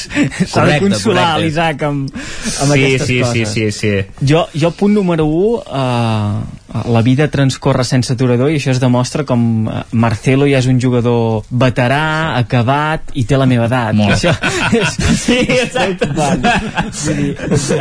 Preocupa't, Guillem. Sí, realment. No, el que passa és que l'esforç físic que sí, necessites és diferent, és diferent. Eh, per, per fer de periodista sí. o de jugar a futbol és diferent jo el veia un el jugador... sou també el, el sou també. Sí, també. Sí, sí, Vaja, no sé. Eh? Sí, sí, sí. Ara no em ficaré en aquestes no, coses. No, dir allò, eh, que el, la mesura de les coses, no?, que veies jugadors que eren de la teva edat i ara ja són els veterans i, hòstia, ens hem fotent grans. Jo el que dic és que un, un, dues plantilles de gairebé sí. 1.000 milions d'euros crec... i zero gols en una jornada contra el Getafe, que tampoc és no. eh, el, el superequip d'Europa, de, i contra un equip que, que acaba de, de pujar, que és el Cádiz. Vull dir que, clar, sí. hi han coses que us hauríeu de fer mirar. Jo amb aquesta lectura, aquesta setmana, Lluís, sí que estic totalment d'acord, abaixo el cap i, i és, és així, vull dir, no pot ser que, que Barça i, i Madrid contra plantilles eh, totalment inferiors a les, a les seves o que a priori són inferiors a les seves no siguin capaces ni de, ni de marcar un gol. Sí que, per exemple, en el cas del Barça el Barça va tenir oportunitats per, per marcar, uh, falta de punteria de, de Griezmann, uh, Messi... Perquè aquest que ja és, una, ja és un cas a part, no? Sí. Perquè després per exemple... de tenir llenga durant la setmana, quan li arriba l'hora... No demostra... Doncs... Sí, això Bé, de totes maneres, eh, jo m'agradaria fer una puntualització que aquí els culers vau estar molt contents quan en en Koeman li van demanar eh, ara per què en Coutinho juga bé? Diu, és que es juga a la seva posició Mm. Llavors en Griezmann diu eh, jo és que amb el Barça no jugo bé perquè no jugo al meu lloc. I llavors en Koeman diu no, aquí el que faig les alineacions sóc jo.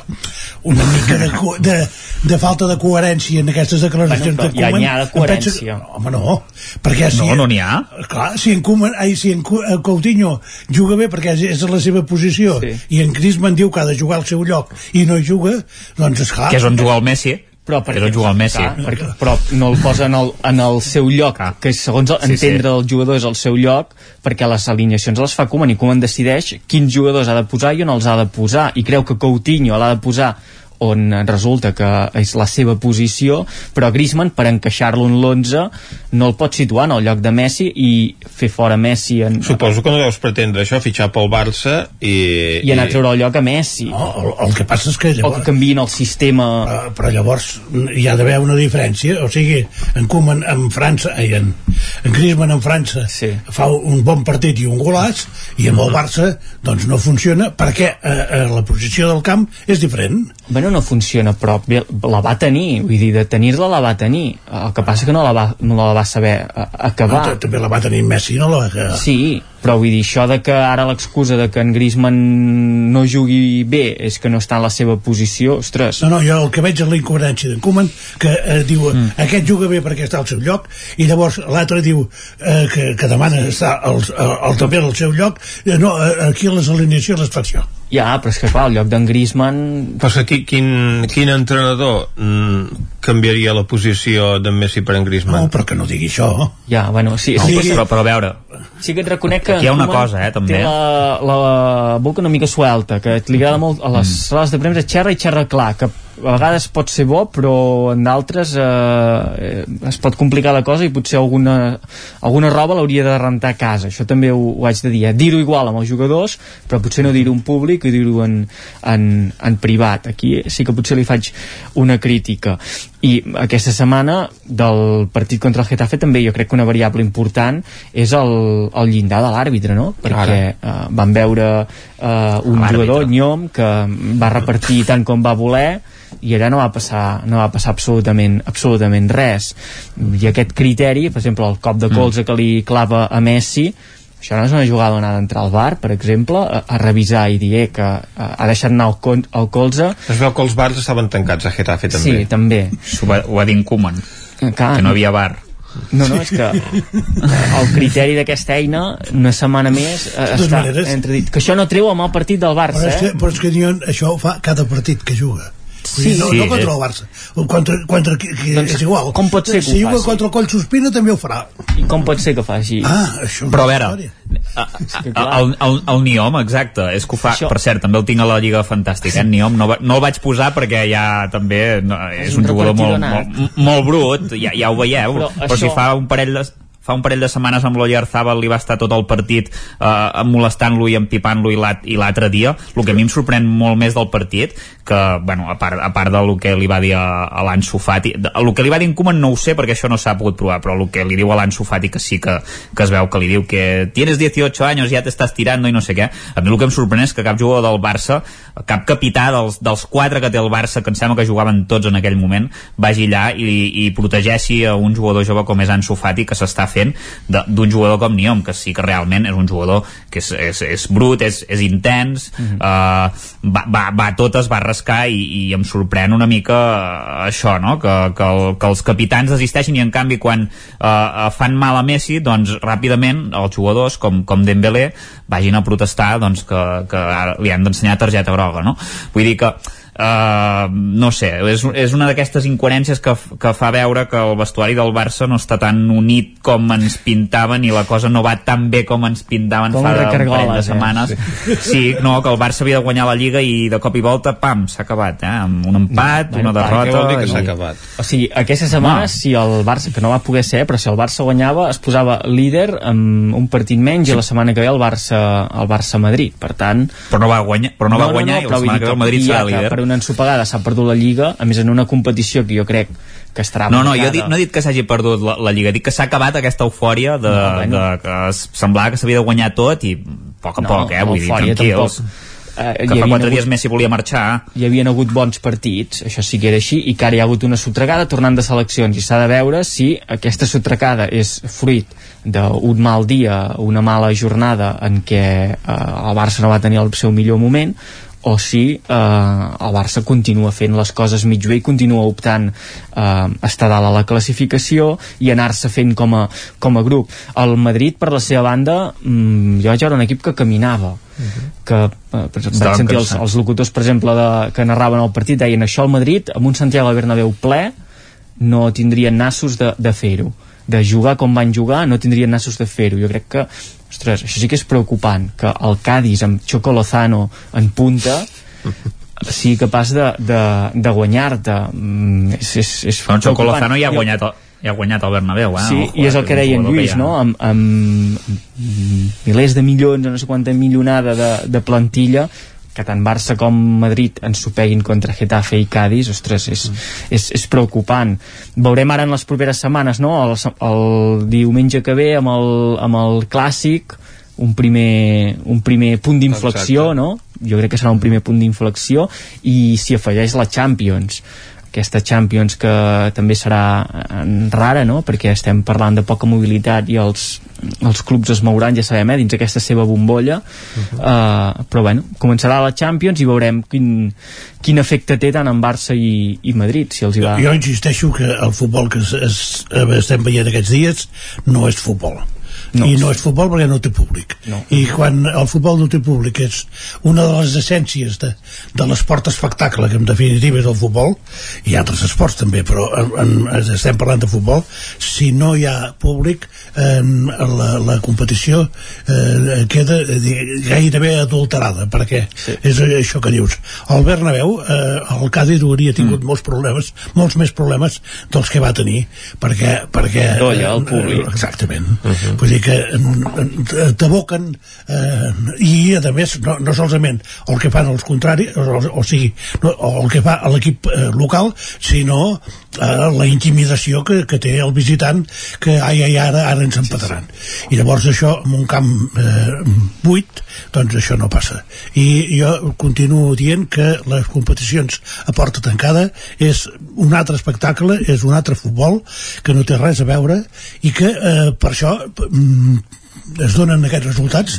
Penso que hi ha vuit equips o nou eh, que no van marcar un gol aquesta, aquesta jornada uh mhm. -huh. vull dir, és, uh mhm. -huh. és un fet pocs gols sí, eh, se'n se, se, se fan pocs i hi ha molts equips uh -huh. que no en marquen cap i llavors vull dir, aquesta, aquesta situació vull dir, per mi no és normal i un dels factors que hi contribueixen és l'ausència de l'absència de públic i això també es veurà, jo crec que tindrà un efecte en el, en el Barça-Madrid no? de, de dissabte que ve, és, és dissabte que ve clar, un Barça-Madrid jugat amb el camp ple eh, l'efecte positiu o negatiu es multiplica uh -huh. mm, vull dir, tots recordem no? escenes eh, mítiques de Barça i Madrid en què el públic ja ha jugat un, un paper eh, decisiu eh, empenyent l'equip o potser fins i tot al contrari, no? Si les coses no van bé, no sé, jo crec que en públic... d'en Figo, també. Sí, el porc d'en sí. Figo. Que li gira, que li gira el porc d'en Figo si no hi ha públic. No, però vull dir que... Clar, exacte. En el cas del Barça, potser, Figo. si hi hagués públic, en el cas del Barça, si no haguéssim passat tot el que hem passat i els resultats sí. haguessin sigut el mateix, segurament ara ja estaríem enmig d'un procés electoral. Jo no crec que Bartomeu i la seva Ostres, junta hagués, sí, sí. hagués uh -huh. aguantat un final de temporada com l'anterior, uh, sí, sí. Uh, i un inici uh, amb tot el que havia passat a l'estiu en públic al, al Camp Nou jo veig complicat que, que ho haguessin aguantat i en canvi amb això Bartomeu i el, la, la junta directiva li ha jugat a favor a no, no notar l'alè del, del públic allà les, les Eh, típiques mocadurades que havíem vist en l'època de Núñez i de... Però nota de... l'alè de la moció de censura, que probablement sí. ja no s'hagués arribat a produir. Sí, però que, que s'ha hagut, com l'engranatge, ha hagut de treballar molt més, no? Que si hagués hagut un, un camp obert, o ara per fer les votacions també s'està pensant com es farà, eh, descentralitzat, quin dia es podrà uh -huh. fer, les mesures de seguretat, si es podrà o no es podrà, jo crec que canvia. I en el futbol, és obvi, el Barça amb el camp buit rebent el, el Madrid, doncs quin escenari més còmode per al Madrid i veurem si quan tornin a jugar, que potser serà pel mes de... ara no tinc el calendari al cap, eh? però el mes de març, qui ens diu que... Ja hauran acabat les obres. Sí, que ja hauran acabat les obres i que podrà entrar sí, públic, no sé. eh, algun nombre de públic determinat i que ja hi haurà aquest caliu d'equip local uh -huh. i equip visitant. Per tant, ja sé que no és futbol professional, és semiprofessional, però ahir l'Espanyol B tenia, a la Dani Jarque va tenir 200 i pico d'espectadors. Ah. Uh -huh. Llavors sí, sí. clar, en aquest camp hi ha d'haver no sé, 4.000 4.000 a 200 és, és molt poca cosa uh -huh. però ja no és allò de la grada absolutament freda no, no. i llavors ja, ja sé que no té res a veure perquè eh, les condicions són molt diferents i no, i no parlem ni de mil espectadors però eh, el futbol sense eh, espectador és, és un altre tipus és un altre joc, és una altra cosa un ambient, no té res a veure un ambient permanent o una sensació permanent de pretemporada i partit amistós, uh -huh. no? Uh, allò que se sent el, el sí. colpeig de la pilota, els crits, no sé, mm, és, és tot molt, molt fred i no, no s'acaba de, de, de disfrutar del tot no? de... ara si un jugador insulta un altre ho sent tot el camp vull dir que no... ho sent tot el camp, sí. No, ara, i, ara no pots. clar, tornant a Nyom, per exemple la figura sí, sí, de, de jugador destraler i, i dur eh, l'hem vist sempre no? en, els, en els camps de futbol però semblava que el bar permetria acabar això de, de jugador de joc subterrani, de trompada d'hora el, el Pablo Alfaro de turno.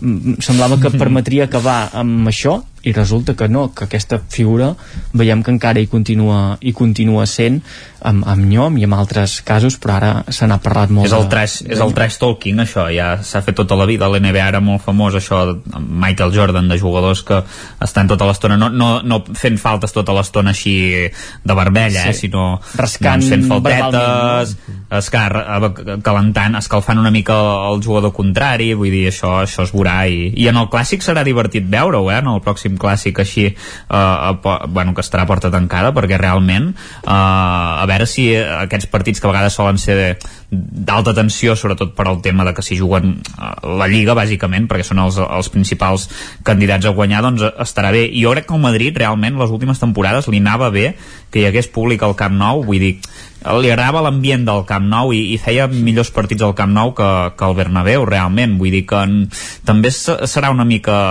estrany pels, pels jugadors del Madrid, que potser depèn quins també els agrada que hi hagi una mica d'ambient hostil. En canvi el Barça sí que a casa, sense públic mm, jo crec que baixarà una mica les prestacions eh?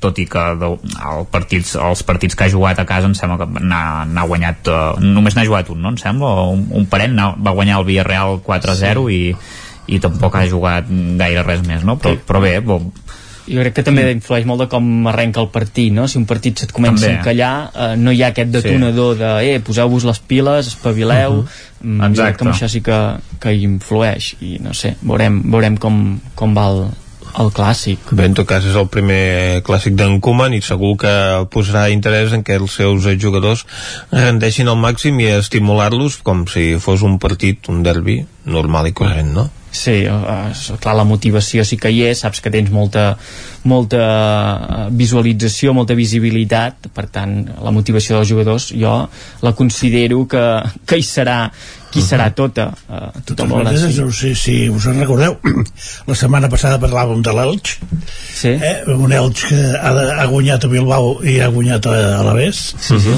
i me'n recordo el, quan vaig veure dos minuts eh?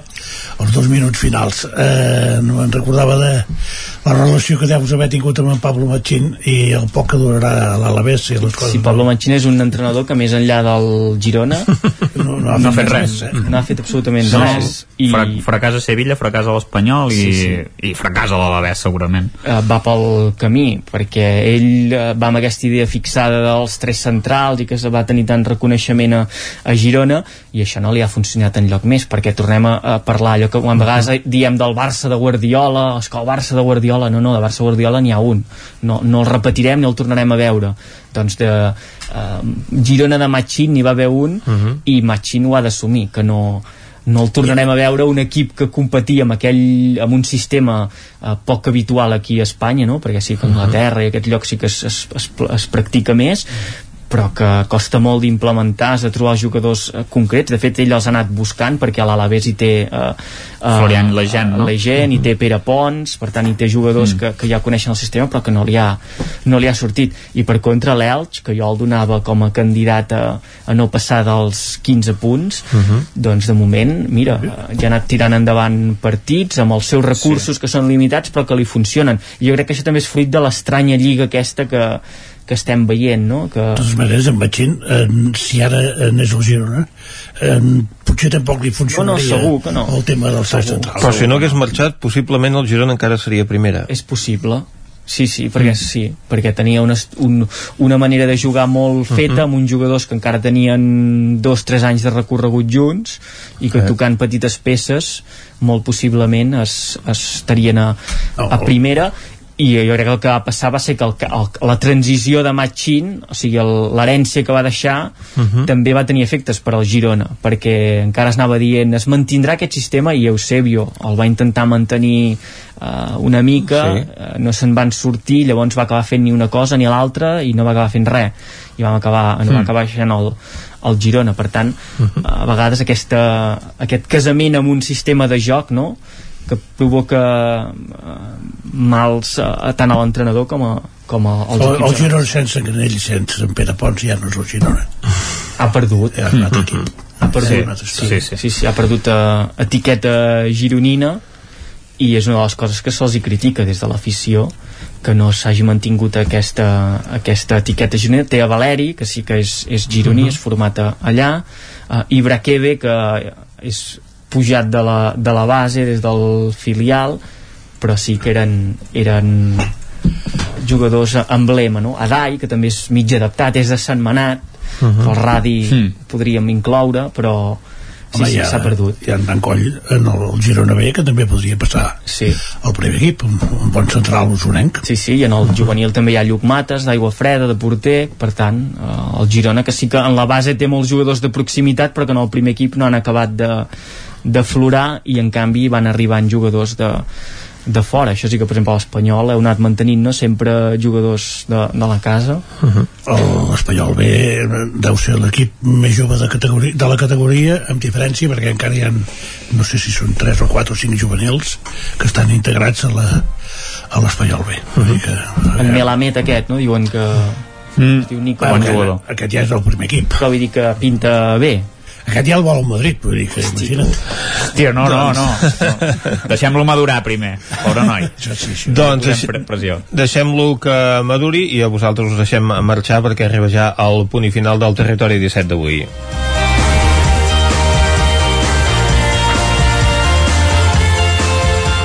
Un territori 17 que han fet Clàudia Dinarès, Isaac Muntades, David Oladell, Caral Campàs, Pepa Costa, Isaac Moreno, Guillem Freixa, Txil Vilamala, Òscar Muñoz, Arnau Jaumira, Núria Lázaro, Jordi Sunyer i Vicenç Vigues. Nosaltres tornarem demà, com sempre, des de les 9 del matí i fins a les 12 del migdia. Adeu. Adeu. Territori 17 un magazín del nou FM. La veu de Sant Joan, Ona Codinenca i Ràdio Cardedeu amb el suport de la xarxa. El nou FM